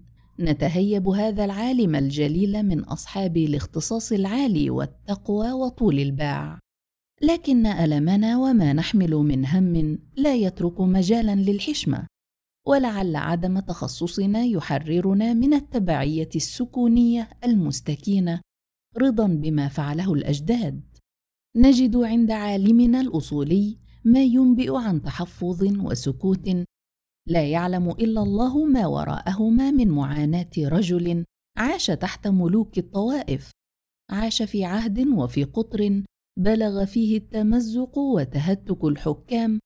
ما لم يتجاوزه إلا حكام عهدنا وأقطارنا هذه البئيسة. يكتب رحمه الله في نهاية كتابه الموافقات ما يلي. على أنه بقيت أشياء لم يسع إيرادها إذ لم يسهل على كثير من السالكين مرادها وقل على كثرة التعطش ورادها. فخشيت أن لا يردوا مواردها وأن لا ينظموا في سلك التحقيق شواردها. فثنيت من جماح بيانها العنان وأرحت من رسمها القلم والبنان. على أن في أثناء الكتاب رموزا مشيرة وأشعة توضح من شمسها المنيرة. مسائل ثني عن بيانها عنان قلمه رغم جموح هذا القلم وميله الشديد لكتابتها. ترى أهي من جزئيات العلم ونوادره أم هي من كليات الدين وأصوله؟ رأى متفقهة عصره معرضين عنها منحسرين عن ميدانها. ترى أية غصة كانت في حلق هذا المجتهد الفذ الذي يعد مفخرة من مفاخر القرون الأخيرة بل واحدا من أكبر علمائنا الجامعين بين المنقول والمعقول. المتضلعين ريا ونورا من معين السنة العالين مطمحا. أي شيء هي المسائل التي سكت عنها وتحفظ من ذكرها لأنه لا يسهل على كثير من السالكين مرادها.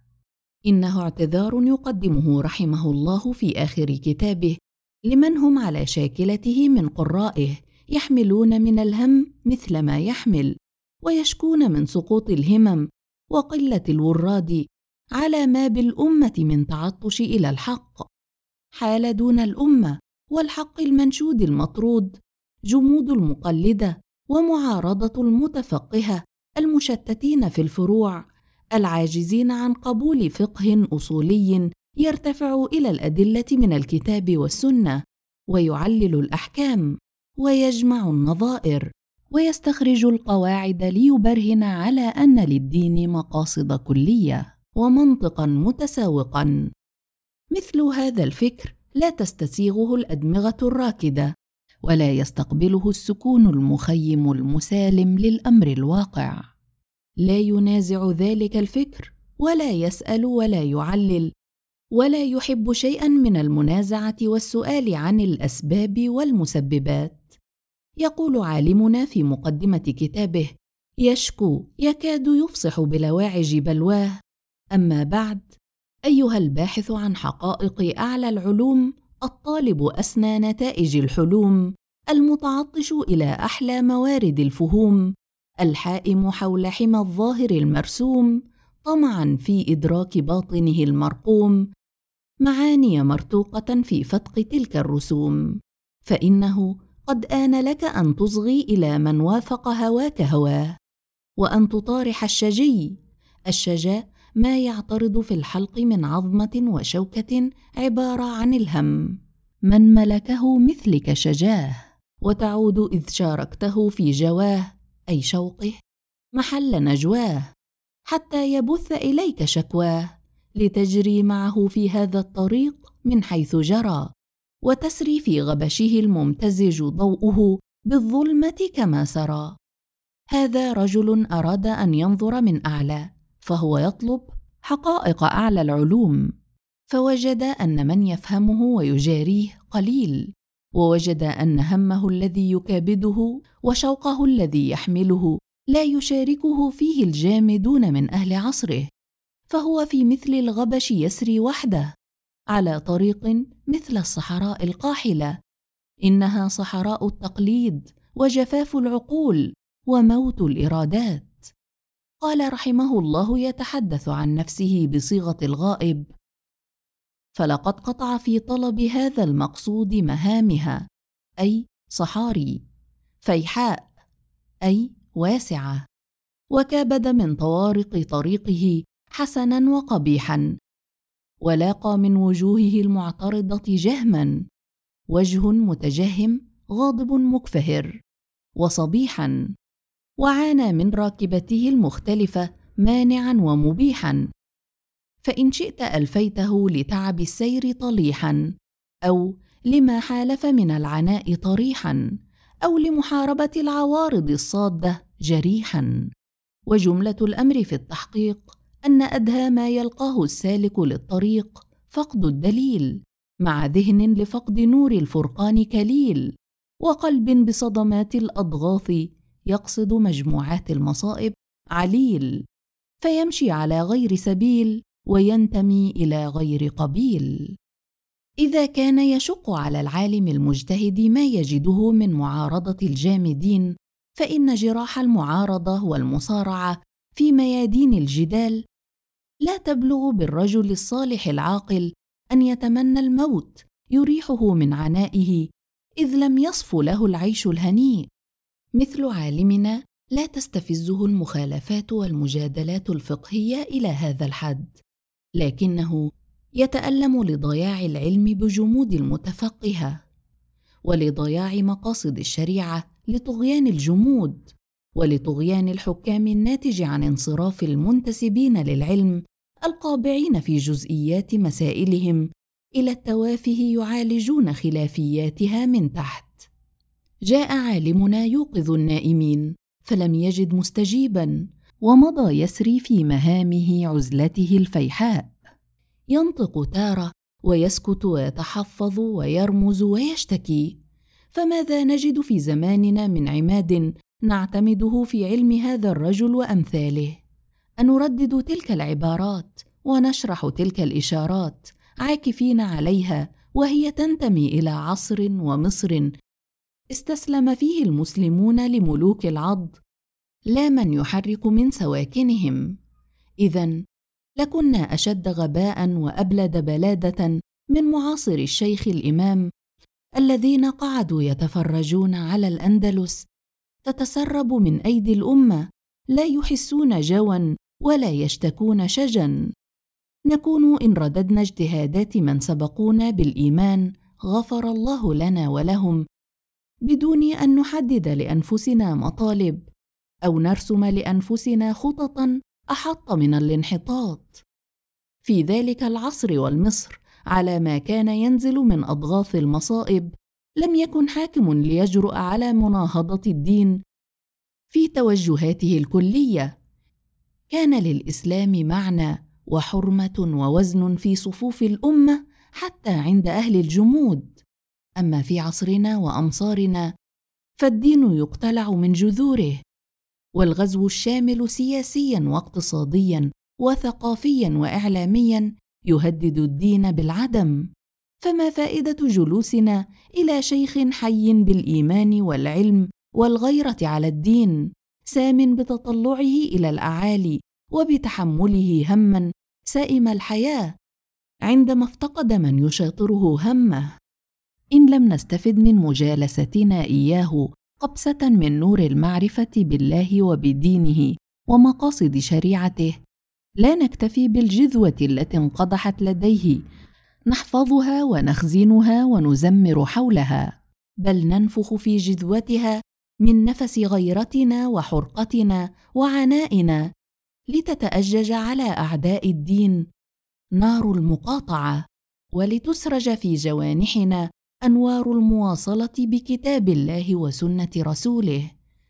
نرتفع إليهما بنياتنا ومطالبنا واجتهادنا كما ارتفع إليها هو بنيته واجتهاده رحمه الله. مقاصد الشريعة. يقول الشاطبي الإمام في أول كتاب المقاصد وهو جوهر كتابه الموافقات وفصه والمقاصد التي ينظر فيها قسمان. أحدهما يرجع إلى قصد الشارع والآخر يرجع إلى قصد المكلف. وفي مقدمة تفصيله لهذه الجملة ذكر المؤلف رحمه الله بمسلمة جعلها مقدمة لكل مناقشاته في الكتاب وهي أن وضع الشرائع إنما هو لمصالح العباد في العاجل والآجل معا. العاجل الدنيا والآجل الآخرة. في عصرنا هذا والمسلمون منهزمون فكريا كما هم منهزمون عسكريا يكثر الكتاب من الحديث عن مقاصد الشريعة. ومن ضمنها حفظ الدين ليقدم الكاتب المدافع عن الأصالة الإسلامية نصوصه وحجته على أن الإسلام دين مصلحة وحضارة. ثم يمضي في مقارنته التفصيلية بين شرائع الإسلام والشرائع الوضعية. كل ذلك على مستوى الحياة الدنيا ناسيا ذكر الآخرة والبعث والحشر والموقف والميزان والجنة والنار. طاويا عنها الكشح خجولا عن سرد الغيبيات في معرض تقاس فيه مصالح العباد بالأرقام بالأرقام والإحصاء والكم واللذة والسعادة ومستوى المعيشة وأنماط التنمية ومردودية الاستثمار ومصادر التمويل واستراتيجيات التصنيع. يغطي هذا الفيلق من الأشياء على بصر من يرى من تحت لتحت إلى إسلامه ويغطي على بصيرته. فإذا إسلامه مذهب اقتصادي سياسي أو ما شئت من تصنيفات العصر وإذا الآخرة سراب لا حساب ولا عقاب. والأمر أنف كما كان يقول الجاهليون الأولون. وقد يكون لعارض الإسلام الكاتب المفكر الباحث المنبهر بأشياء العصر إيمان بالله واليوم الآخر ينطوي على بصيص منه لا يكاد يبين عنه. فهو أشبه أن يحسب من باطنية الزمان لشدة تخفيه وتكتمه كانما يضمره بدعة وضلالة. جفت الكتب الإسلامية من ذكر الآخرة نعوذ بالله. وتسطحت على سوق المفاضلة في المصالح وضماناتها بين قوانين جاءت من شرق يؤمن بالوحي والرسالات وغرب وضعي مصلحي طلق ذلك الإيمان. احذف كل إشارة إلى الوحي وغيبياته لتحظى بمصداقية عند قرائك. وسلام على الدعوة وسلام على الدين. إن كان في خطاب عالم القرن الثامن ترسبات وتحفظات وسكوت فما بلغ تأثير الفتنة أن يغيب ذكر الله وذكر الآخرة والجزاء ولا أن يسكت عنه. ولا أن يستغني عن التذكير به. مسلمة ثابتة معرفة المسلمين بالمسلمة. كانوا رجال دعوة وإيمان. وإن غلب طابع الفقهية القانونية على أسلوب العرض. فهذه مزية يفضلوننا بها لأنهم كانوا يرمقون من أعلى الإيمان بالله والثقة به ثقة مستعلية على الكفر. رغم ما كانوا يعيشون من عيش غير هنيء في كنف الحكم الفاسد والعقل المتجمد. مقاصد الشرع في رأي الشاطبي ترجع عند النظر إلى قصد الشارع وقصد المكلف. نتركه لتفريعاته الوافية الضافية وفى الله له ونقف نحن وقفات نطل فيها من إزاء القرآن والسنة على تلك الساحة. وقفة أولى لنميز بين قصد الله الكوني وقصده الشرعي. قضاء الله جل شأنه قصد سابق في أزله واقع لا محالة بقدر. إرادة مدبر حكيم شاء أن تكون الدنيا دار امتحان. أسئلة هذا الامتحان عويصة الأجوبة عنها من كسبك أنت المخلوق. ما أصابك من حسنة فمن الله. وما اصابك من سيئه فمن نفسك. هلك القدريه لما عطلوا القضاء الالهي؟ وهلك الجبريه لما انكروا اختيار العبد؟ وهلك المرجئه لما لم يرتبوا على الكسب ما رتبه القران من جزاء. اما قصد الله تعالى الشرعي فهو امره ونهيه كما جاء في القران والسنة. أمر ونهي. تعتريهما أحكام الوجوب والاستحباب أو الحرمة والكراهية أو يوسع سبحانه على عباده بالإباحة والعفو.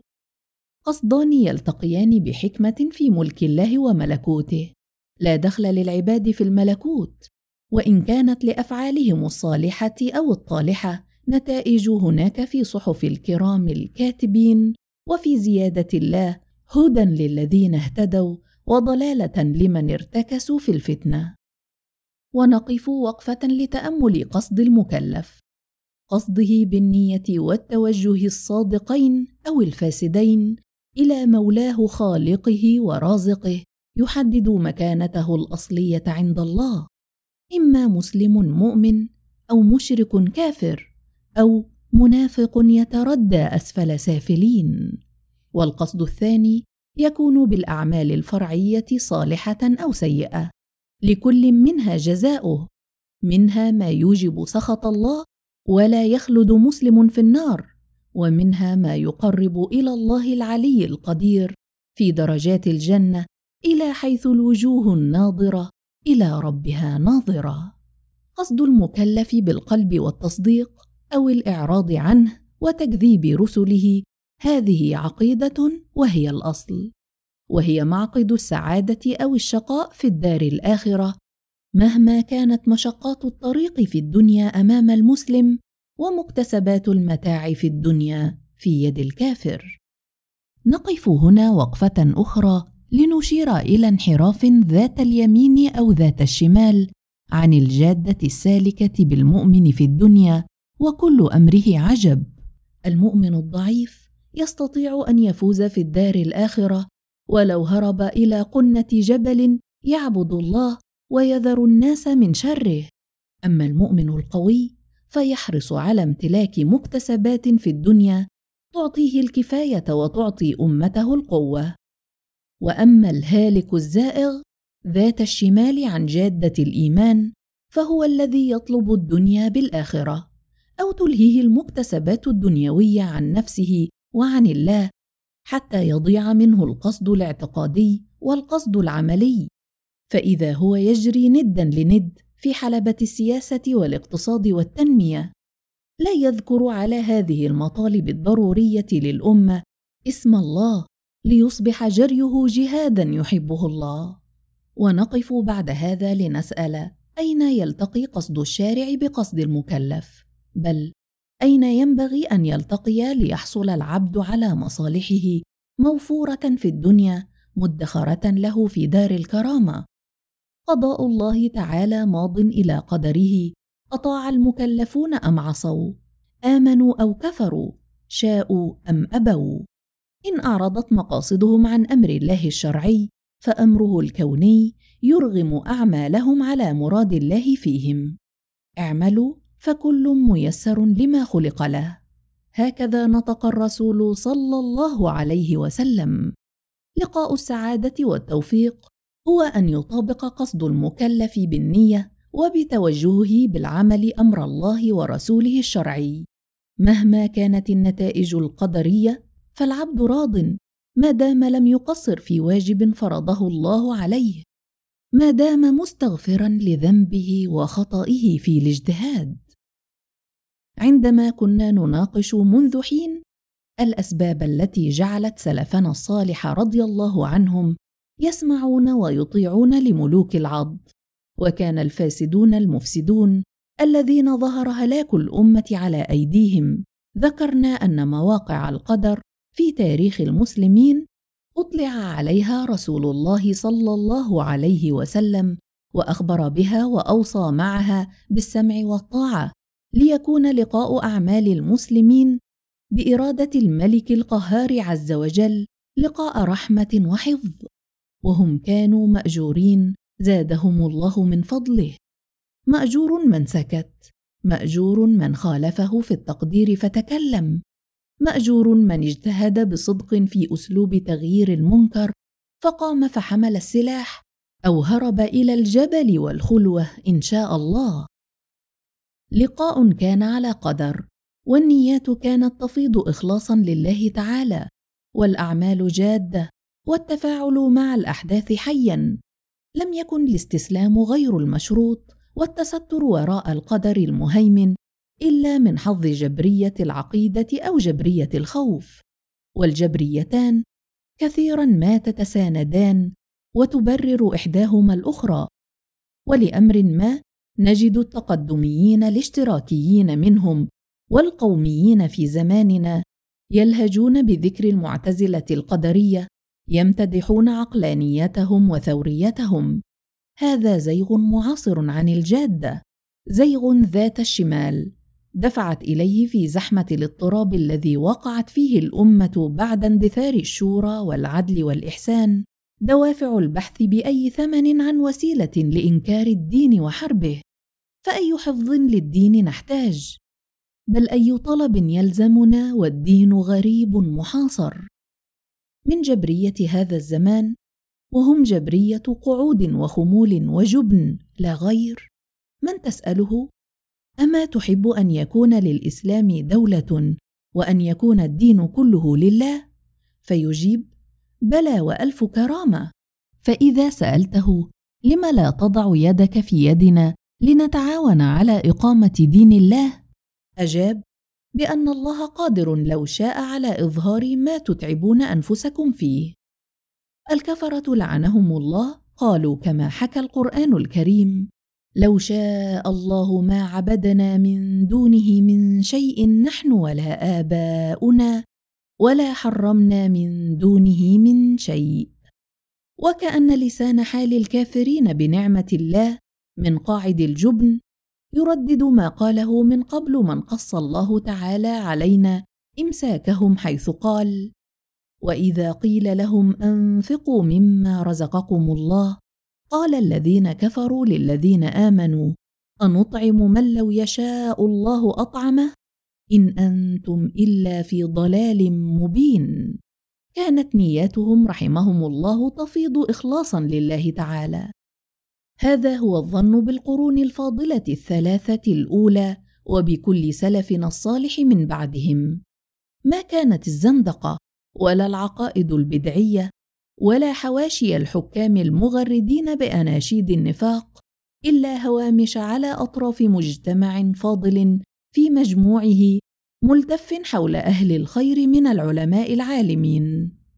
التفافه ذاك وصمود أهل الخير في وجه الحاكمين بالهوى حفظ الله عز وجل بهما مقاصد الشريعة من التلف وحفظها بتقوى المتقين وإيمان الكافة باليوم الآخر وبرب العالمين. إننا إذ نتكلم عن الانكسار التاريخي وعن نقض عروة الحكم في وقت مبكر وعن انحسار الأمر بالمعروف والنهي عن المنكر بعيدا عن ساحة الحكم الوراثي العاض وعن التجزئة في عقل المسلمين وأرضهم وفهمهم للدين تجزئة ناتجة عن الانفصام الأعلى لا نضع موضع الشك سلامة الأمة المرحومة المرعية بعناية الله جل وعلا. بل يؤكد استمرارها في الوجود وما كتب لها من انتصارات ومساهمات في تحرير بني الإنسان.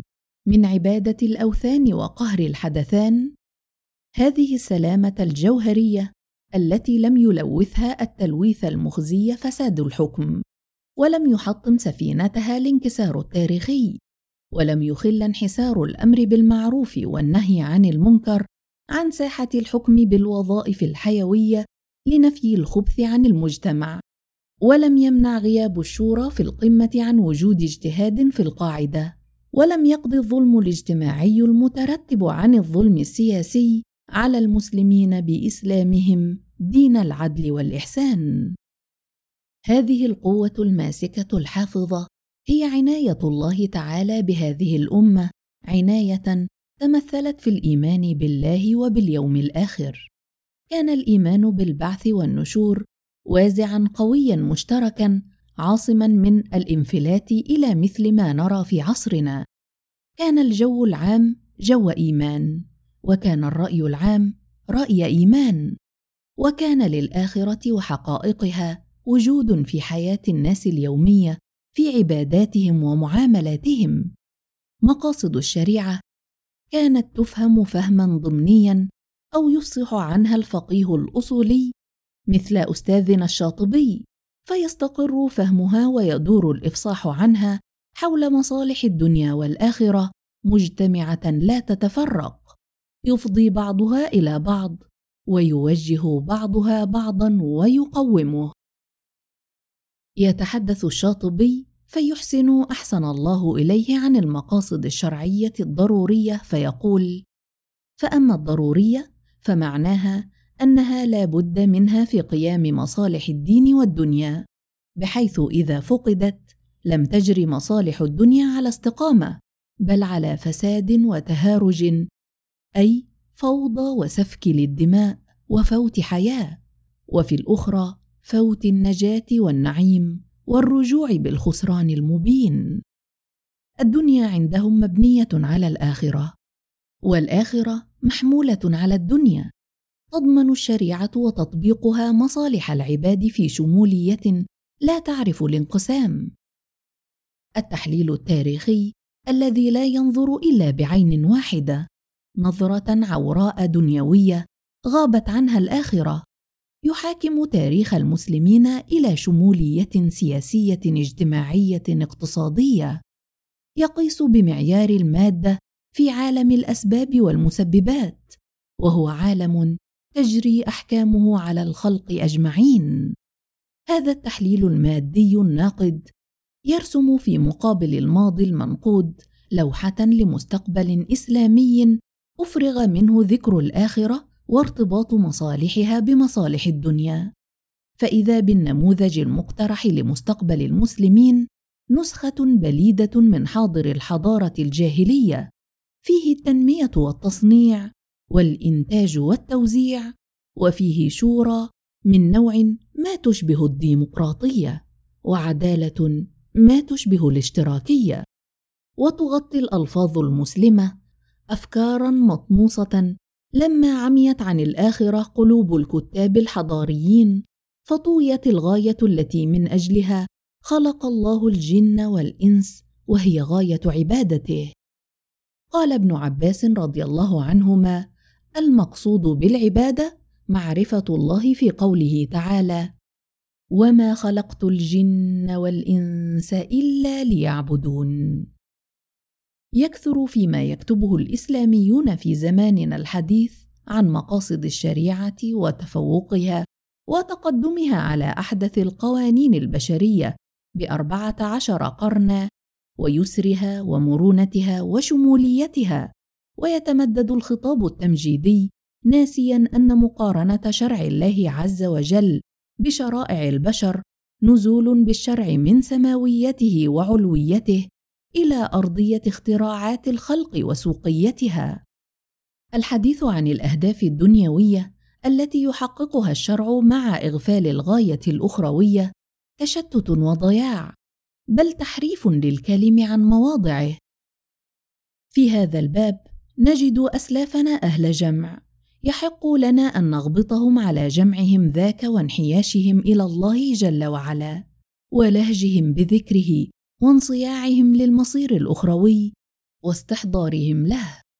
في كل فقرة من كتاب مثل كتاب الشاطبي ذكر لله سبحانه. في كل فصل من فصوله ربط لأشغال الدنيا بأشغال الآخرة. في كل باب اجتهاد كلي لا يفصل أمر الدنيا عن أمر الآخرة. هم كانوا أعلى مرصدا كانت شموليتهم شاملة حقا جامعة حقا لأنها لم تضيع الغاية الأبدية جريا وراء الأهداف العابرة الغائبة ولم تسكت عن الآخرة تضخيما لشؤون الدنيا. ضئيلة هي نظرة المقلدة الذين يقرؤون علوم السلف. مثل علم أستاذنا ليستدلوا منها على وجاهة الحل الإسلامي والبديل الإسلامي إن كان لا يتعدى مرمى بصرهم دار الفناء. تافهة هي حقيرة وكأن الإسلام وشرعه مفتاح للدنيا دال على الدنيا خادم للدنيا داع إلى مصالح العباد في الدنيا. وهم عن الآخرة غافلون. كان الأحباب سلفنا الصالح يعضون بالنواجذ على ما تبقى بين أيديهم من عرى الإسلام بعد انفصام العروة الحكمية ونقضها فكانوا بسكوتهم المكره أو المجتهد على درجة ما من التقدير أنزل رتبة من الجيل القرآني جيل الصحابة المؤسسين وجيل التابعين الراشدين مع الخلفاء المهديين رضي الله عنهم أجمعين. بإزاء القرآن. إن ارتفعنا بإزاء القرآن وقارنا بأهل القرآن يبدو لنا المسلمون الذين عانوا من بعدهم ما عانوا واجمين تحت ظلة أظلمها ذهاب الشورى وكدرها انعدام العدل وسودها استتار أهل الإحسان وهروبهم من الميدان. لكن مقلدة العصر الذين لا ترقى بهم الهمم إلى الاقتباس المباشر من كتاب الله وسنة رسوله والذين يجعلون بينهم وبين منبع الهدى ومبعث النور رجالا كان لهم في زمانهم غناء رغم البلاء. تختلط عليهم المجالات وتتفرع بهم السبل فلا يكادون يهتدون سبيلا. تائهين بين مفاهيم العصر الماديه ملفقين منها ومن اجتهادات مضت. يلبسون أفكار الغرب سرابيل إسلامية ويجردون أقوال السلف من معناها وشموليتها فهم من تحت لتحت أنى يصرفون. عبر الإمام الشاطبي رحمه الله عن ذات صدر تلك الأجيال الصالحة بصلاح جمعها لهم الدنيا مع هم الآخرة حينما صاغ فهمه لمقاصد الشريعة مستعملا كلمة حفظ. كان معهم رحمهم الله شيء يستحق في نظرهم أن يحفظ. نحن في زماننا نقدر أن ما ضاع منا كثير. وأن ما بقي آيل إلى ضياع إن لم ننهض للطلب طلب الإسلام كله طلب الإيمان بشعبه طلب الخلافة على منهاج النبوة طلب الشورى والعدل والإحسان. لنترك مساءلتهم أحسن الله إلينا وإليهم عن عرى الإسلام التي لم يقوموا لإعادة بنائها بعدما نقضت. فإن في معلناتهم التي عبر عنها الشاطبي في مقدمة كتابه وخاتمته لكلاما بليغا يفسر تحفظهم وسكوتهم عن أشياء وزفراتهم المكتومة تكاد تلفح من وراء القرطاس. ولنتتبع تقسيمهم لمقاصد الشريعة لنكتشف في كل موقع دعوا إلى حفظه مضيعة يجب علينا طلبها. ولينفتح لنا باب الفهم لمطالب أخرى لم تخطر لهم على بال لأنها في نظرهم كانت حاصلة.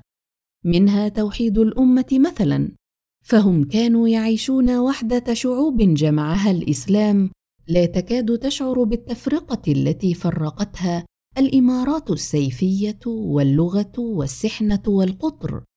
لم يكن يقدح في وحدتهم تلك وجود خلافات مذهبية يعيشون صراعاتها الكلامية أو العنيفة داخل إطار الوحدة لا خارجة. ما كانوا ليتصوروا ما فعلته بنا الدولة القومية القطرية وتمزقات وتجزؤات فرضها الاستعمار بعد ذهاب شوكة الإسلام العثمانية. قال الشاطبي رحمه الله والحفظ لها يعني حفظ مقاصد الشريعة يكون بأمرين. أحدهما ما يقيم أركانها ويثبت قواعدها ويحفظ وجودها بالمحافظة على أصول العبادات كالإيمان والنطق بالشهادتين والصلاة والزكاة والصيام والحج وما أشبه ذلك. وعنده جانب ثان من مقاصد الشريعة سماه العادات وترجع إلى حفظ النفس والعقل من جانب الوجود أيضا كتناول المأكولات والمشروبات والملبوسات والمسكونات وما أشبه ذلك. وعنده جانب المعاملات وهي راجعة إلى حفظ النسل والمال من جانب الوجود وإلى حفظ النفس والعقل أيضا لكن بواسطة العادات. ألفنا في زمننا تقسيمات العصر إلى مجالات منها الديني والثقافي والسياسي والاقتصادي والاجتماعي. وليس تقسيم علمائنا رحمهم الله أقل شمولية ولا أقل جدارة بالاعتبار. ومن الإنصاف المحض أن نحكم بأن تقسيماتهم كانت أوفى وأدق وأحكم لأنها تدخل في معادلاتها الإنسان فتجعله مركز الدائرة. إلى مصلحته في الدنيا والآخرة يرجع كل شيء من أشياء الحياة وأنظمتها وصناعتها. لا جرم يكون ذلك كذلك.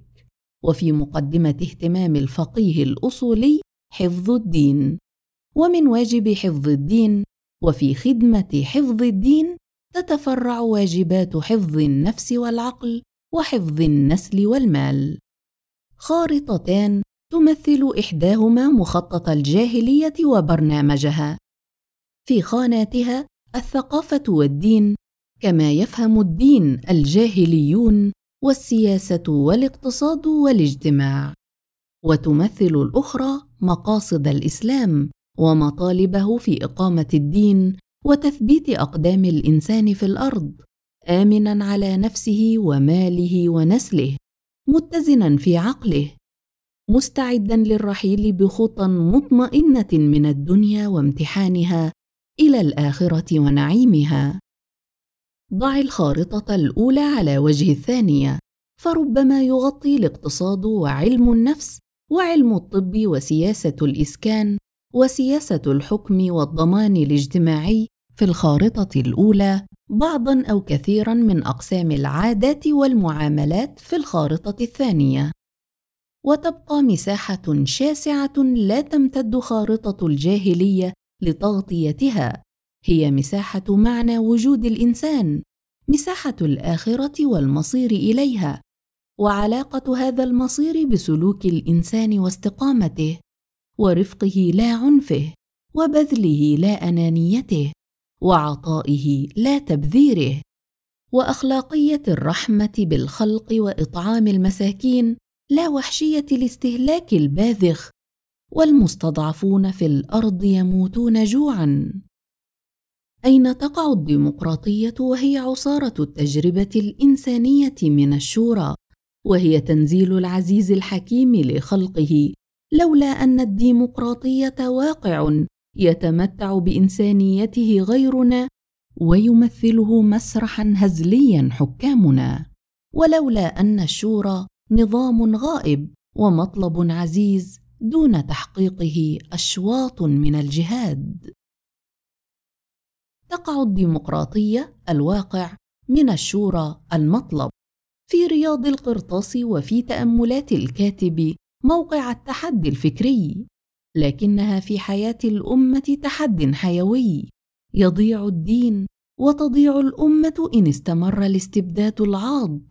ويطلق الناس الدين لاعتناق دين الديمقراطية لأن من معاني الحريات العامة ضمان كرامة الفرد وتحلله من كل قيد يكبح شهواته. تحد قاتل فإما ديمقراطية إنسانية دوابية إباحية وإما شورى يكون بها أمرنا على جادة الدين. كان علماؤنا حتى في القرن الثامن في أندلس الطوائف يتكلمون من موقع استعلاء حضاري. لم يكن أمامهم أي تحد معنوي يصول عليهم بتفوق نموذجه. لذلك كان حفظ ما عندهم غاية سؤلهم. نتساءل نحن أين تقع الاشتراكية الواقع؟ وهي عصارة التجربة الإنسانية من العدل الذي أمر به الله جل شأنه عباده وألح في الأمر. أين تقع الاشتراكية الواقع؟ الاشتراكية النموذج المعروض الذي تغري الدولة العظمى السوفياتية التائبة من تجربتها الاشتراكية باقتنائه. الاشتراكية المفتاح السحري لمشاكل العالم المتخلف من العدل الإسلامي المطلب. امن الديمقراطية نبدأ. واذا لا نصل إلى الاشتراكية. أم نفرضها اشتراكية؟ واذا فهو استبداد حزب باسم طبقة فلا حرية. أو نجعلها اشتراكية ديمقراطية نقلد في تلفيقها مجتمعات ثرية مصنعة تعيش في بحبوحة ونحن همل فقراء. أيديهم وعقولهم صناع. ونحن عقولنا وأيدينا الخرق بعينه. بأي ثمن من ديننا وكياننا نشتري ديمقراطية جاهزة أو ندخل خلسة اشتراكية مستوردة نفرضها بعد بالحديد والنار؟ أين تقع الإنسية الجاهلية وحقوق الإنسان والأخلاق والفلسفة والفنون؟ وهي واقع هناك من الإحسان وهو مطلب كامن في قلوب المؤمنين بالله وباليوم الآخر غائب عن واقع المسلمين. كيف الطلب لكل ذلك؟ من يطلب؟ وممن يطلب؟ ومع من يطلب؟ وضد من يطلب؟ أسئلة ما طرحها وأنى له. من يردد عبارات الأجداد الداعية إلى حفظ المقاصد الخمس الضرورية حفظ الدين حفظ النفس حفظ العقل حفظ النسل حفظ المال. يردد ويفرع بعناد وتبلد. وكأن الدين حاكم سلطانه في بلاد المسلمين.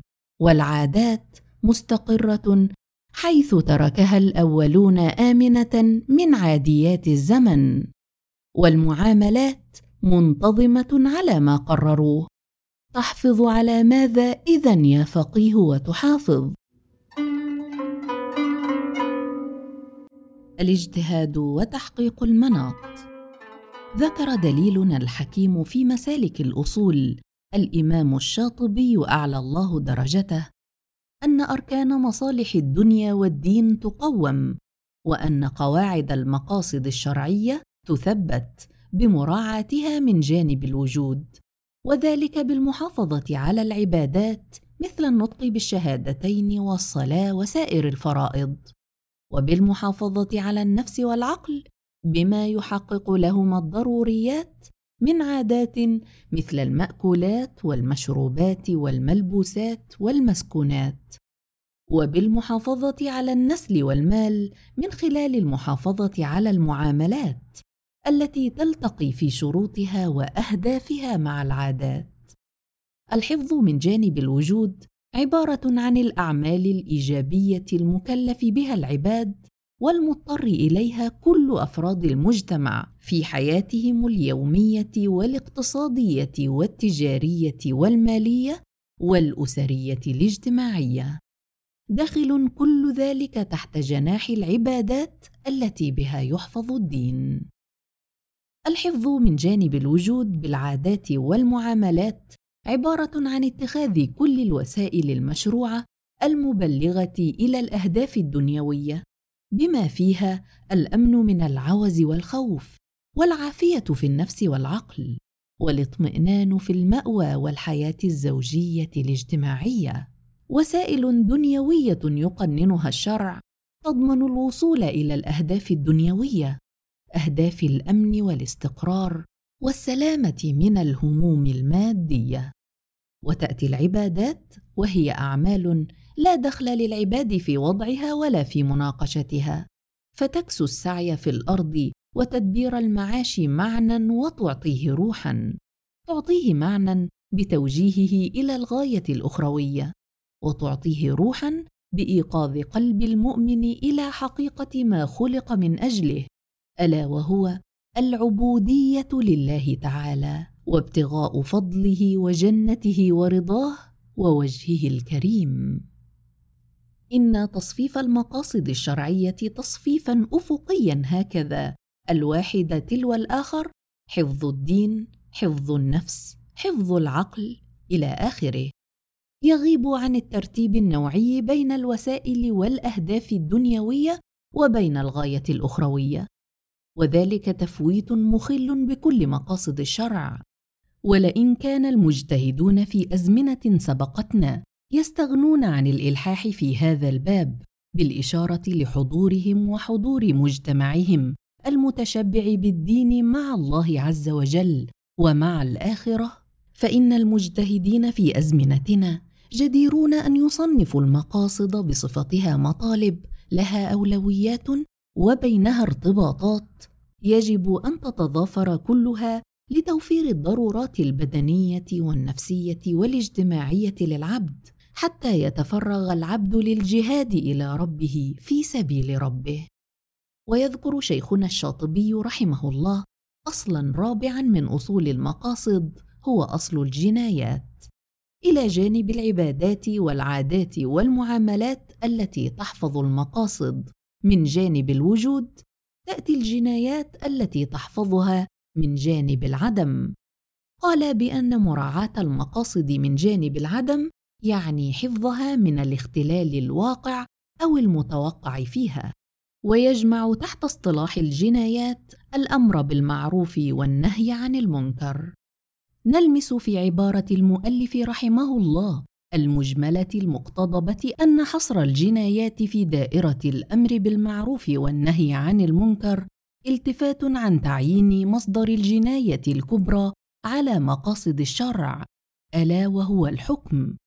إذا كان الحكم فاسدا غير شوري ولا عادل ولا إحساني. جناية الأفراد على الدين ومقومات الدين يعالجها القضاء والحسبة واليقظة العامة. وهذه الثلاثة من مظاهر الأمر بالمعروف والنهي عن المنكر.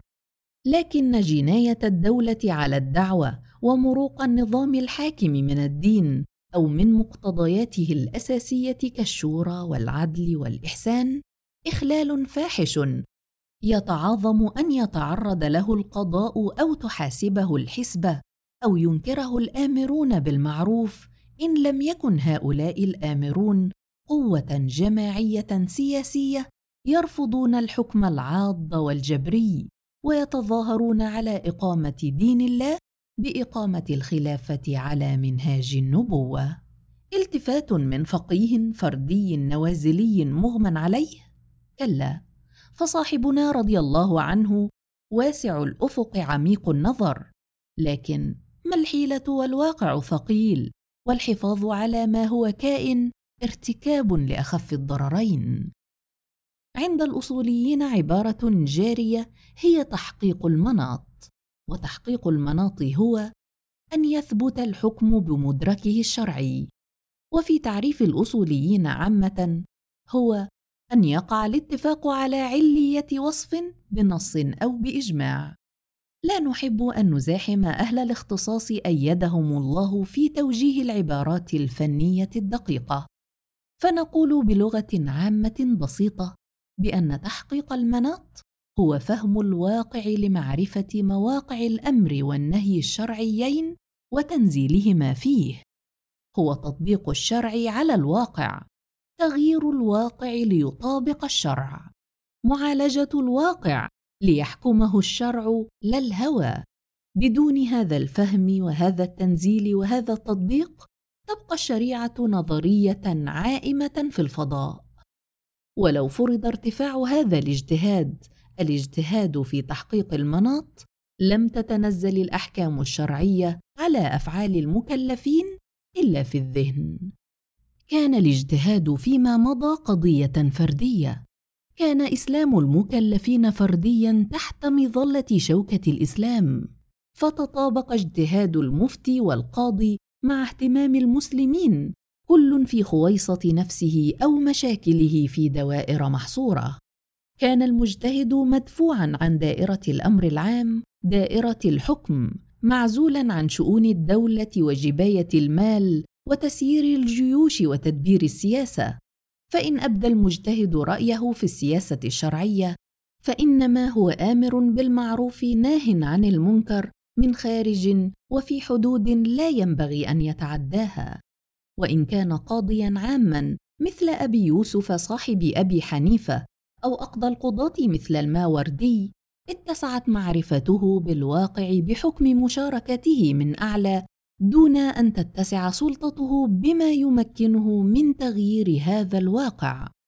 في دولة الخلافة على منهاج النبوة يجب أن يكون الاجتهاد قضية جماعية شورية.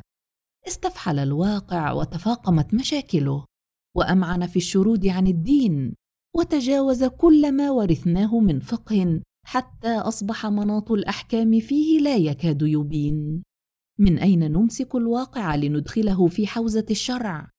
كيف نراوده؟ كيف نرغمه؟ كيف نتدرج إلى تطويعه؟ لا يستطيع المجتهد الفرد أن ينهض لذلك وحده مهما كان تمكنه من علوم الشريعة. لا بد من إشراك ذوي الاختصاصات المتنوعة. لا بد من معاهد ترعاها الدولة الإسلامية. يوم لا تكون الدولة جانية على الدين يوم تكون دولة الشورى والعدل والإحسان. الاستنباط في خدمة القصد. قال الإمام الشاطبي رحمه الله إنما تحصل درجة الاجتهاد لمن اتصف بوصفين. أحدهما فهم مقاصد الشريعة على كمالها والثاني التمكن من الاستنباط بناء على فهمه فيها. وأما الثاني أي التمكن من الاستنباط فهو كالخادم للأول.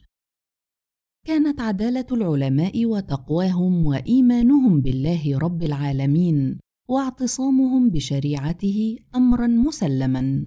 لذلك لم يتحدث الشيخ إلا عن فهم المقاصد وعن التمكن من الاستنباط وهما كفاءتان عقليتان. في زماننا كثر المنافقون عليم اللسان.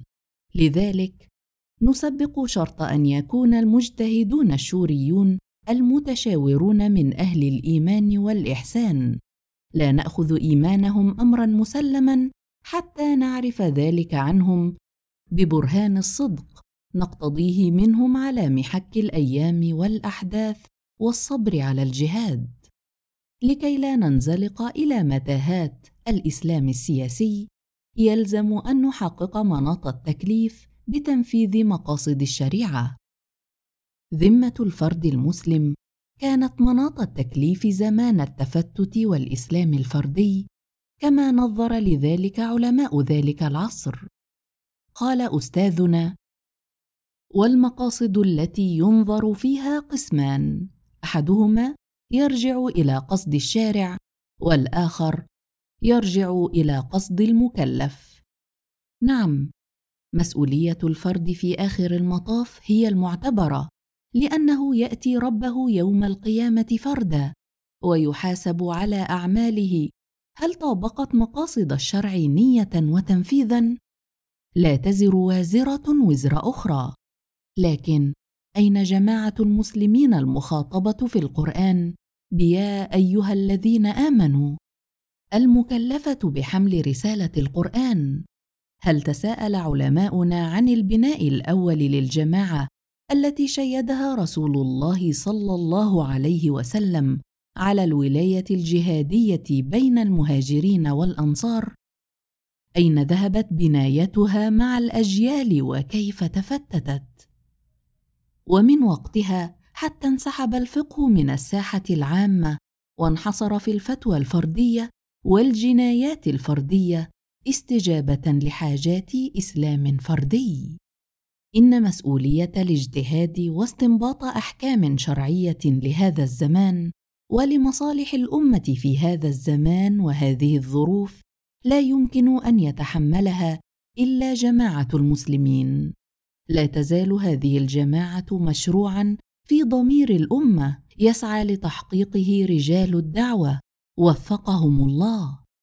المكلف الفرد مهدد إن عاش في مجتمع مفتون في دينه ونفسه وعقله ونسله وماله. لا يستطيع حفظ شيء من ذلك لا من جانب الوجود ولا من جانب العدم. فيكون بناء جماعة المسلمين لبنة لبنة حتى وحدة المسلمين كافة عبر حدود الأقطار الموروثة عن فتنة القرون وعن الاستعمار هو المطلب الأساسي في تصنيفنا للمطالب الشرعية. قصد الشارع وقصد المكلف. تعبير تجريدي فرداني. الجماعة الداعية إلى الله الساعية لبناء مجتمع إسلامي موحد وحكم شوري وعدل وإحسان بها يناط الجهاد لتحقيق المقاصد الشرعية. تؤمن بها الجماعة وتحملها وتقاتل من أجلها وتطلب بالمال والنفس تحقيقها ويأتي الاجتهاد حيا مواكبا لحركة حية ممهدا في المجال الفقهي لتقدم الركب الإيماني الذي رباه الإحسان وحركه الغضب لله وربط على قلبه حب الله ورسوله وأطربه نحو الأهداف والغاية موعود الله الذي لا يتخلف بالخلافة على منهاج النبوة وبالسعادة في دار البقاء. العضوية في جماعة من جماعات الدعوة ثم جماعة المسلمين الموحدة العالمية جاد الله لنا بها بكرمه. شرط في المجتهدين أهل الشورى والعدل والإحسان. إن من سبقونا بإيمان غفر الله لنا ولهم وألحقنا بهم على سرر متقابلين رتبوا المقاصد العليا وحصروها في خمسة مقاصد اتفقوا على وجوب الحفاظ عليها. حفظ الدين حفظ النفس حفظ العقل حفظ النسل حفظ المال. زاد بعض المتأخرين حفظ العرض. لا نفتات على اتفاقهم رحمهم الله ولا ننازع لكن نرجع إلى تاصيلاتهم ناظرين إليها من إزاء القرآن والسنة.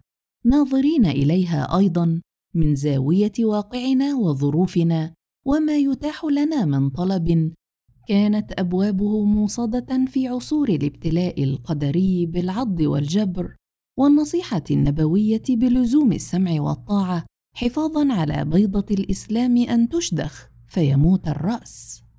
وعلى شوكة الإسلام أو تخضد فيرعى الحمى. من إزاء القرآن العظيم ومن زاوية ظروفنا وضروراتنا نرى انشاء جماعة منظمة تكون دعوة وتؤسس دولة الخلافة هو أبو المقاصد والشرط الأول لتنفيذها. ابحث عن منفذ قوي أمين قبل أن تدخل في نقاش عملية التنفيذ. التربية والتنظيم وذكر الله والصدق والتزود بالعلم النافع. علم الحق المنزل الموحى به وعلم الواقع وعلم الكون. مقومات ضرورية منها تستمد الجماعة الإيمان والقوة والأمانة على شرع الله ومقاصده. الإحسان والإيمان يتحلى بهما الفرد المجاهد الطالب ربه هو الغاية. في أعلى سلم المطالب مقاصد الشريعة الإحسان وهو أن تعبد الله كأنك تراه. في الدرج المؤدي إلى الغاية نجد مرتبة لأهداف هي من الدنيا لكن تكسب الاعتبار الشرعي من كونها وسائل للغاية الدينية الأخروية. تكسب الاعتبار من كون الدنيا مطية المؤمن وزاده للآخرة. روى الترمذي وابن ماجه والبخاري في الأدب عن عبيد الله بن محصن أن رسول الله صلى الله عليه وسلم قال من أصبح منكم آمنا في سربه معافا في جسده عنده قوت يومه فكأنما حيزت له الدنيا بحذافيرها. إسناده حسن كما أشار السيوطي رحمه الله في الجامع الصغير. ارايت كيف انزرعت الحياة اليومية في المقاصد الشرعية لما سمعنا عنها من لسان الوحي. خوطب المكلف بعافيته خوطب بأمنه بقوته بدنياه وهمومها ليتفرغ لآخرته وإلى الجهاد من أجلها في سبيل الله. ما قننه علماؤنا الأبرار في صيغة التجريد في باب العادات والمعاملات؟ أي في مقاصد حفظ النفس والعقل والنسل والمال نجده في الحديث النبوي مشخصا في الزمان من أصبح قوت يومه والمكان والجماعة في سربه والبدن هذه المطالب والأهداف الدنيوية المؤدية إذا حيزت إلى الغاية لا تتحقق إلا في مجتمع يأخذ فيه الكم والإحصاء والإنتاج والتوزيع والعدل في كل ذلك المكان الشرعي. ينقلب سلم القيم في يد بعضهم فإذا عنده نظرية تقول بأن الإسلام أقصر طريق إلى التنمية والازدهار الاقتصادي وإذا الدين وسيلة والإقتصاد غاية وإذا الدنيا تنسي الآخرة. رحم الله علماءنا. إن تأسينا بهم في الاعتصام بالإيمان والإحسان فلن يبعدونا عن القرآن الذي لا يفهمه بعضهم إلا مدونة حضارية ومرجعا فكريا. يسيل من هذا الفكر الخائب على بعض الأدمغة المتحدثة باسم الإسلام سائل الغفلة عن الله وعن الدار الآخرة لا حول ولا قوة إلا بالله. لا بد للتنمية والاقتصاد والإنتاج والتوزيع والكم والإحصاء. أن تأخذ مكانها الشرعي في مقدمة المطالب في مرتبة الأهداف الدنيوية المسهلة لرحلة المؤمن والمؤمنة إلى ربهما. والعدل كلمة جامعة ومطلب أساسي في عصر أصبحت فيه قسمة الأرزاق وإنتاجها وتمويل عملية التنمية وتنظيم ذلك تحديا قاتلا في وجه الأمة. إن كان الإحسان رائدا فلا مخافة من الزيغ. لكن يلح السؤال على المجتهدين الأصوليين وعلى المفكرين لمعرفة النظام الأقرب إلى الإسلام. الرأسمالية أو الاشتراكية؟ إسلام راسمالي اشتراكي. تسكت عن العدل في القسمة كما سكت الأولون فتيار الراسماليه يجرفك. تتحدث عن العدل والظلم الطبقي فتوصم بأنك شيوعي يختبئ في عباءة الإسلام. الجنايات. ومن أخبث الذراري الشيوعيين القوميين أولئك الذين لا يقطعون في خطابهم وشعاراتهم مع الإسلام بل يتلبسون بالإسلام فيلبسون على الناس ولا كتلبيس إبليس. تحدثنا في الفقرة السابقة عن المطلب الشرطي مطلب إنشاء جماعة المسلمين المنوط بها حمل الرسالة وتحدثنا عن مطلب وحدة المسلمين وعن ضرورة إنشاء الجماعة وتوحيد الأمة ليتأتى حفظ الدين. وتحدثنا عن مطلب الأمن في السرب والعافية في البدن والكفاية في القوت. هذه المطالب التي تغطي جانب العادات والمعاملات. وتحدثنا عن كون الوسائل الاقتصادية في الإنتاج والتوزيع والتنمية والتصنيع ضروريا اتخاذها ليتأتى العدل إذ بالعدل الموفي بالمطالب الدنيوية يستطيع العبد أن يتطلع إلى الغاية وهي الإحسان. في هذه الفقرة نقف وقفة قبل أن نتعرض لما به تكون مراعاة المقاصد الشرعية من جانب العدم أي بما يكون حفظها والدفاع عنها وما يدرأ عنها الاختلال الواقع أو المتوقع فيها. في الفقرة المقبلة إن شاء الله نتحدث عن الشورى والدولة ومهامها في صيانة المطالب الشرعية. الخلل الواقع في الدين ومقاصده من جراء تخاذل الدويلات العاضة ومن جراء انهيار الإسلام الفردي الموروث أمام الاستعمار والغزو الفكري خلل فاحش. ليست إشادتنا بعلمائنا الماضين والتأكيد على صحة عقيدتهم وإيمانهم اعتصاما بأذيال الأجداد هروبا من واقعنا. تمسكنا بذكرهم وبما أثلوه من اجتهاد نافع ومن قواعد علمية راسخة رصينة لا يكون حجابا بيننا وبين الينبوع الصافي. رسول الله صلى الله عليه وسلم يقرأ القرآن ويقرئه ويبين للناس ما أنزل إليهم.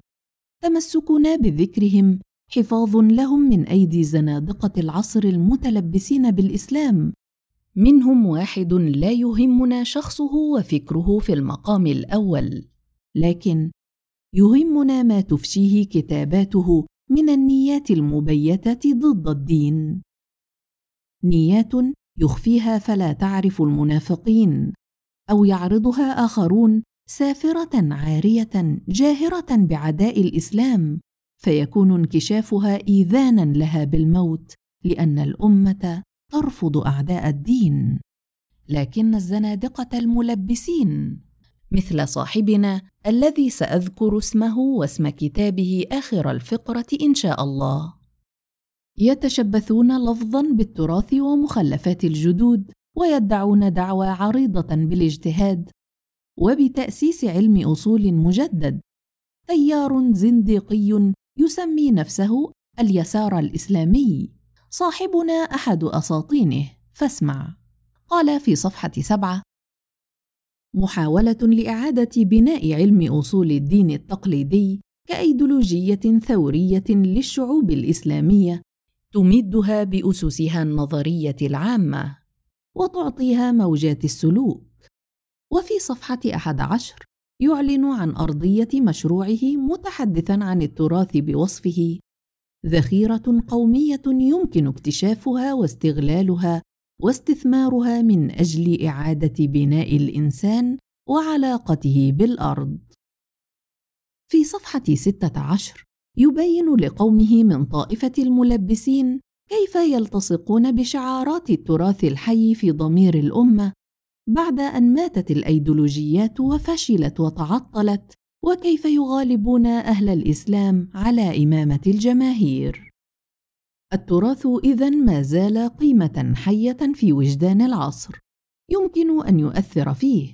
تجديد التراث هو حل لطلاسم القديم وللعقد الموروثة وقضاء على معوقات التطور والتنمية والتمهيد لكل تغيير جذري للواقع. فهو عمل لا بد للثوري من أن يقوم به وإلا ظل القديم شبحا ماثلا أمام الأعين يمثل أرواح الأسلاف التي تبعث من جديد يقصد الحركة الإسلامية. تتربص بالأبناء شرا أي الأرواح المتجددة في الصحوة الإسلامية. إذا هم خرجوا من جبتهم ورفضوا سلطانهم ولم يدينوا لهم بالطاعة والولاء أو يقوم أنصار المحافظة والإبقاء على الأوضاع القائمة باستغلال هذا المخزون لصالحهم. وأخذ الجماهير من جانبهم وقطع خط الرجعة على أنصار التغيير والتقدم وسحب البساط من تحت أرجلهم. حديثه عن استعمال الأنظمة القائمة الجبرية واستغلالها للدين وتخديرها لحس الجماهير كلمة حق وردت في معرض باطل إذ مقصوده قبل كل شيء الحركة الإسلامية الحية الفاعلة الناهضة. يقول في صفحة عشرين بأن التراث قضية وطنية وأن الدين ليس إلا جزءا من التراث. في صفحة أربعة وثلاثين يؤكد على ضرورة صياغة أيديولوجية إسلامية. هو وضع الكلمة بين هلالين. معتمدة على فكر المعتزلة الإحيائي. أنا وضعت الهلالين وعلى استقلال العقل والإرادة أي عن الدين. في ثلاثة وخمسين يصرح تصريحا شجاعا تقدميا ثوريا بأن الإلحاد بهذا المعنى أي بمعنى التفرغ للعمل الثوري بدل الإيمان والاعتراف بالوحدانية والألوهية لرب العالمين. هو تحول للاختيار القديم من القول إلى العمل.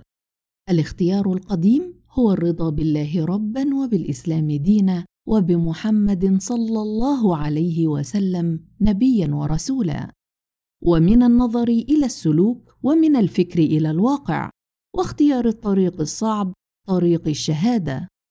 الماركسيون والملاحدة يسمون هلكاهم شهداء. يكون الإلحاد هو انتقال من الصورة إلى المضمون ومن الشكل إلى الجوهر. المضمون والجوهر عند أمثاله هو التنمية والاقتصاد والإنتاج والتوزيع ومحاربة الطبقية. فيا إخواني هل في إسلامنا إسلام الصورة والشكل؟ إسلام الإيمان بكامل شعبه؟ اسلام الإحسان بعالي رتبه مكان لمضمون العدل وضرورياته المادية. أم نحن من صنف المجتهدين في ذكاه الحلزون حتى يجرفنا الإلحاد؟ في أربعة وخمسين يبين الملحد الثوري أن الإنسان مستقل بعقله وإرادته حر في تصرفه مسؤول عن تحقيق العدل الاجتماعي. ويمضي في صفحة خمسة وخمسين ليبين أن العلمانية مكتسب أساسي لأنها تجعل الإنسان وحده محور كل شيء. العلمانية إذن رجوع إلى المضمون دون الشكل وإلى الجوهر دون العرض. الشكل دائما هو الدين يجب أن يرمى به. والمضمون والجوهر هو المطالب الثورية التقدمية المادية الأرضية. وإلى الصدق دون النفاق. وإلى وحدة الإنسان دون ازدواجيته وإلى الإنسان دون غيره. غيره هو الله تعالى. العلمانية إذن هي أساس الوحي. فالوحي علماني في جوهره والدينية طارئة عليه من صنع التاريخ. هكذا يعتقد فراخ إبليس تلامذة ماركس. وترتفع حمى الإلحاد ويستعر شعار الكفر فيصطف الكاتب الفيلسوف مع طابور الباحثين الشاكين النافين لوجود الله تعالى. وما زالت الإنسانية كلها تحاول البحث عن معنى للفظ الله. وكلما أمعنت في البحث ازدادت الآراء تشعبا وتضاربا فكل عصر يضع من روحه في اللفظ. معناه الله من صنع التاريخ جل الله وتعالى ويعطي من بنائه للمعنى. وتتغير المعاني والأبنية بتغير العصور والمجتمعات. فالله عند الجائع هو الرغيف وعند المستعبد هو الحرية وعند المظلوم هو العدل وعند المحروم عاطفيا هو الحب. الله هو الإشباع هو صرخة المضطهدين هو العلم هو التقدم هو الأرض هو التحرر والتنمية والعدل. هو الخبز والرزق والقوت والإرادة والحرية. أستغفر الله من حكاية الكفر. في سياق تال يسرد الكاتب الألفاظ الدالة على المعاني المتخلفة التي يجب القضاء عليها في صفحة 98 واللغة القديمة لغة دينية تسودها ألفاظ تشير إلى موضوعات دينية مثل دين ورسول ومعجزة ونبوة وهي لغة عاجزة عن إيصال مضمونها للعصر الحاضر. في صفحة 99 يقترح الفيلسوف المجدد إلغاء حتى كلمة إسلام. فلفظ التحرر هو اللفظ الجديد الذي يعبر عن مضمون الإسلام أكثر من اللفظ القديم.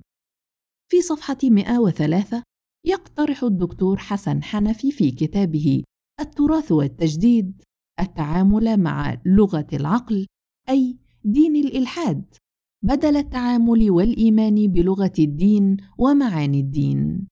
اللغة العقلية هي التي يفهمها كل الناس بلا شرح أو تعليق أو سؤال أو استفسار. فالعمل والحرية والشورى والطبيعة والعقل كلها ألفاظ عقلية في علم التوحيد. أما ألفاظ الله والجنة والنار والآخرة والحساب والعقاب والصراط والميزان والحوض فهي ألفاظ قطعية صرفة لا يمكن للعقل أن يتعامل معها دون فهم أو تفسير أو تأويل. ألا ساء ما يزرون. الدعوة والدولة. أقصد بالدعوة رجال الطلب الحاملين هم الأمة الساعين لإقامة دين الله في الأرض تلبية للنداء القرآني. يا أيها الذين آمنوا المنوط بهم تحقيق مطالب الشريعة. وسواء كانت الدعوة منظمة تنظيما موحدا في الأقطار التجزئية الموروثة أو كانوا جماعات تتعاون ريثما يزداد التقارب والتلاحم إلى وحدة ما. فإن واجب الدعوة إقامة الدولة الخلافية الموحدة ابتداء من دول إسلامية قطرية ينظر في نوع النظام الأصلح لربطها تدريجيا. من مطالب الدعوة كشف المتلبسين بالإسلام الملبسين أمثال الدكتور الفيلسوف الملحد والرد عليهم.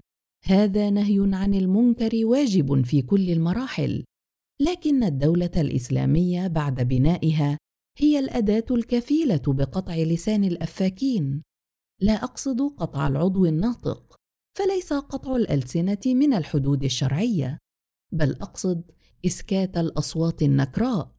وللردة أحكامها الشرعية لا بد أن تأخذ مجراها في دولة الإسلام. إن مهمة الدعوة أن تنشئ الحياة الإسلامية. وتشيد أركان الدين في المجتمع أي أن ترعى المقاصد الشرعية في العبادات كما يعبر علماء الأصول. ومهمة الدعوة بعد أن تصبح الدولة بيدها طوع إرادتها أن تستصلح الوسائل المادية والمالية والتقنية والإدارية لخدمة المطالب الدنيوية أي أن ترعى مقاصد الشرع من جانب الوجود في ميادين العادات والمعاملات.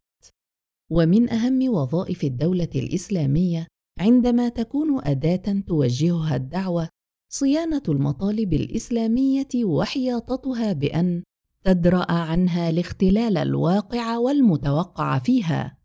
إن إعادة العلاقات بين الدعوة والدولة إلى نصابها الإسلامي بعد هذه القرون التي استبد فيها السلطان العاض والجبري على القرآن مهمة تحتاج إلى جهاد القومه وتحتاج إلى اجتهاد. في ظل الحكم العاض كان علماؤنا يجتهدون وهم في حيز ضيق. لذلك سموا جنايات ذلك الجانب المهم من واجبات الدولة جانب الدفاع عن حوزة الدين. وكلوا حفظ المقاصد الشرعية كلها من جانب العدم إلى التكليف الشرعي بالأمر بالمعروف والنهي عن المنكر. تصوروا الأمر بالمعروف والنهي عن المنكر واجبا فرديا منوطا بذمة الفرد ولم يتصوروه واجبا جماعيا وقد تفتتت جماعة المسلمين في زمانهم تحت وطأة العض الوراثي والاستيلائي. رأينا أن الاجتهاد لمستقبل الإسلام مواكبا لإنشاء الأركان وإقامة الدولة ينبغي أن يكون جماعيا شوريا يبتغي الإجماع ما أمكن بالتقليد من تحت لفكر من قبلنا وآرائهم لا يمكن أن نبني إلا بناء تقليديا يجمد على النمط الموروث وبإطلاق العنان لكل ناعق كما تطلق الأعنة أنظمة الفساد المتمسحة بالديمقراطية والحريات العامة. يبرز الدكاترة الزنادقة بالجديد الإلحادي وبالانسلاخ من قواعد علم الأصول. هذا العلم الراسخ الرصين عماد فسطاط العلم كما قال الشوكاني. يبرز عاميون في العلم عاميون في العقيدة عاميون في حب الرئاسة ويتصدرون للفتوى والرئاسة. يزعم الواحد منهم وهو لا يقيم لسانه في قراءة حديث واحد أن حيازة الكتب الستة الحديثية شرط كاف للاجتهاد. بالنظر من الموقع الضيق موقع القاضي والمفتي في النوازل والمدرس التجريدي لا يمكن الاجتهاد الشمولي الأصولي معا القادر على تغطية الفضاء الواسع للمقاصد الشرعية من حيث كونها مطالب لإنشاء أمر تلاشى. والدفاع عن حوزة استبيحت. ومن حيث مناط التكليف الجماعي في الدعوة ومن حيث سيادة الدعوة على الدولة أي سيادة القرآن على السلطان لا العكس. شروط علمائنا في المجتهد القادر على تفسير الأحكام التي وردت فيها نصوص قطعية الثبوت والدلالة القادر على استنباط أحكام ظنية في غير ذلك بأدوات تقدير المصلحة القياسية العلية أو المصلحة المرسلة. شروط صالحة. لا تزال إن كملناها بشروط تمليها الاعتبارات السابق ذكرها فتدرجها تحت جنس عال من المطالب. اجمعوا رحمهم الله واتفقوا على الشروط التالية. وإجماعهم على الرأس والعين. اتفقوا على أن المجتهد لا بد أن يكون عالما بنصوص الكتاب والسنة وأن يكون عارفا بمسائل الإجماع وأن يكون عالما بلسان العرب وأن يكون عالما بعلم أصول الفقه عماد فسطاط الاجتهاد وأساسه وأن يكون عارفا بالناسخ والمنسوخ. ثم اختلفوا في شروط أخرى منها اشتراط العلم بالدليل العقلي والعلم بعلم أصول الدين والعلم بعلم الفروع لأن العلم بها وممارستها يعطي الدربة اللازمة والعلم بعلم الجرح والتعديل ليشارك علماء الحديث ذوي المنة على أجيال المسلمين إلى يوم الدين. جزاهم الله خير الجزاء. ومعرفة القياس بشروطه وأركانه لأن القياس مناط الاجتهاد وأصل الرأي ومنه يتشعب الفقه. لو اجتمعت كل هذه الشروط في رجل لما استطاع في عصرنا أن يحيط بالوسائل الضرورية لتحقيق المقاصد الشرعية. يلزمه فقه دقيق بهذه المقاصد وهي قد التبست في العقول وفترت في النيات وغابت في الواقع. كيف يصوغها مطالب؟ كيف يوقظ الأمة النائمة؟ كيف يكون حزب الله؟ كيف يربيه؟ كيف يزحف به إلى بناء الدين ثم حفظه من جانب الوجود وجانب العدم دعوة ودولة. لا يكفي الواحد للمهام الاجتهادية ولا يقف واجب المجتهدين عند استنباط الحكم وتقنينه. لا بد أن يكون أهل الاجتهاد من أهل الدعوة من صميمها ممن يحيون بها ويتنفسون روحها ويحملون همها. ويغضبون على الاختلال الواقع والمتوقع فيها. إن كانوا أصحاب أوراق وكراريس ونصوص وتجريد وتقليد. إن كانوا عقولا تدور على ألسنة عليمة والقلب فارغ فلن يكونوا إلا طامة أخرى تأتي على الدين من جانب العدم. يلزم المجتهدين في غد الإسلام بعد الشروط المعرفية والشروط الإيمانية أن ينظروا من أعلى إلى الأمور من جانب القرآن والسلطان واقف بين يديه للخدمة وأن ينظروا بعيدا إلى أفق وحدة الأمة وإقامة العدل والشورى وحمل رسالة رب العالمين للعالمين. ومتى يكونون أهلا لذلك إن لم يكونوا من أهل الإحسان؟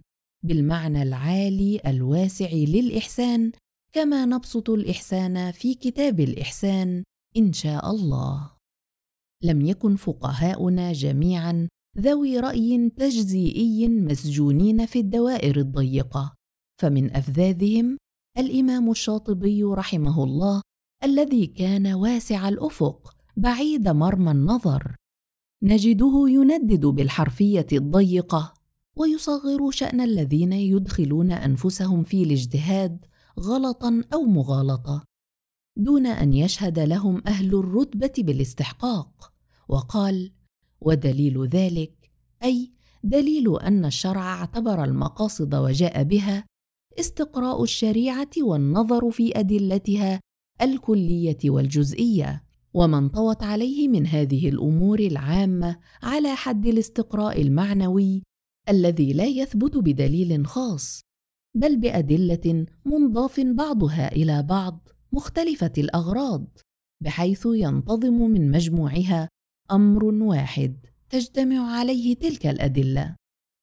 ما أجمل هذا الكلام وأدقه وأعلاه. أدلة منضاف بعضها إلى بعض مختلفة الأغراض تنتظم على أمر واحد. هذا هو الجمع الذي نطلبه لشتات الأذهان. التي تستدل جهدها على تفرقة الأمة وتبديع الناس وذكاه الحلزون. بينما أهل الإلحاد يرفضون الله والنبوة والآخرة ليجمعوا حولهم غثاء المحرومين حول الأمر الثوري الجامع الخبز والكرامة الإنسانية والإنتاج والتوزيع. هذه كلمتي إليكم إخواني وأخواتي. سائلا منكم ومن كل من يقرأها أن لا تنسوني من دعائكم. أحسن الله الكريم إلينا وإليكم. والسلام عليكم ورحمة الله وبركاته. وصلى الله على سيدنا محمد وآله وصحبه وسلم تسليما كثيرا. وآخر دعوانا أن الحمد لله رب العالمين.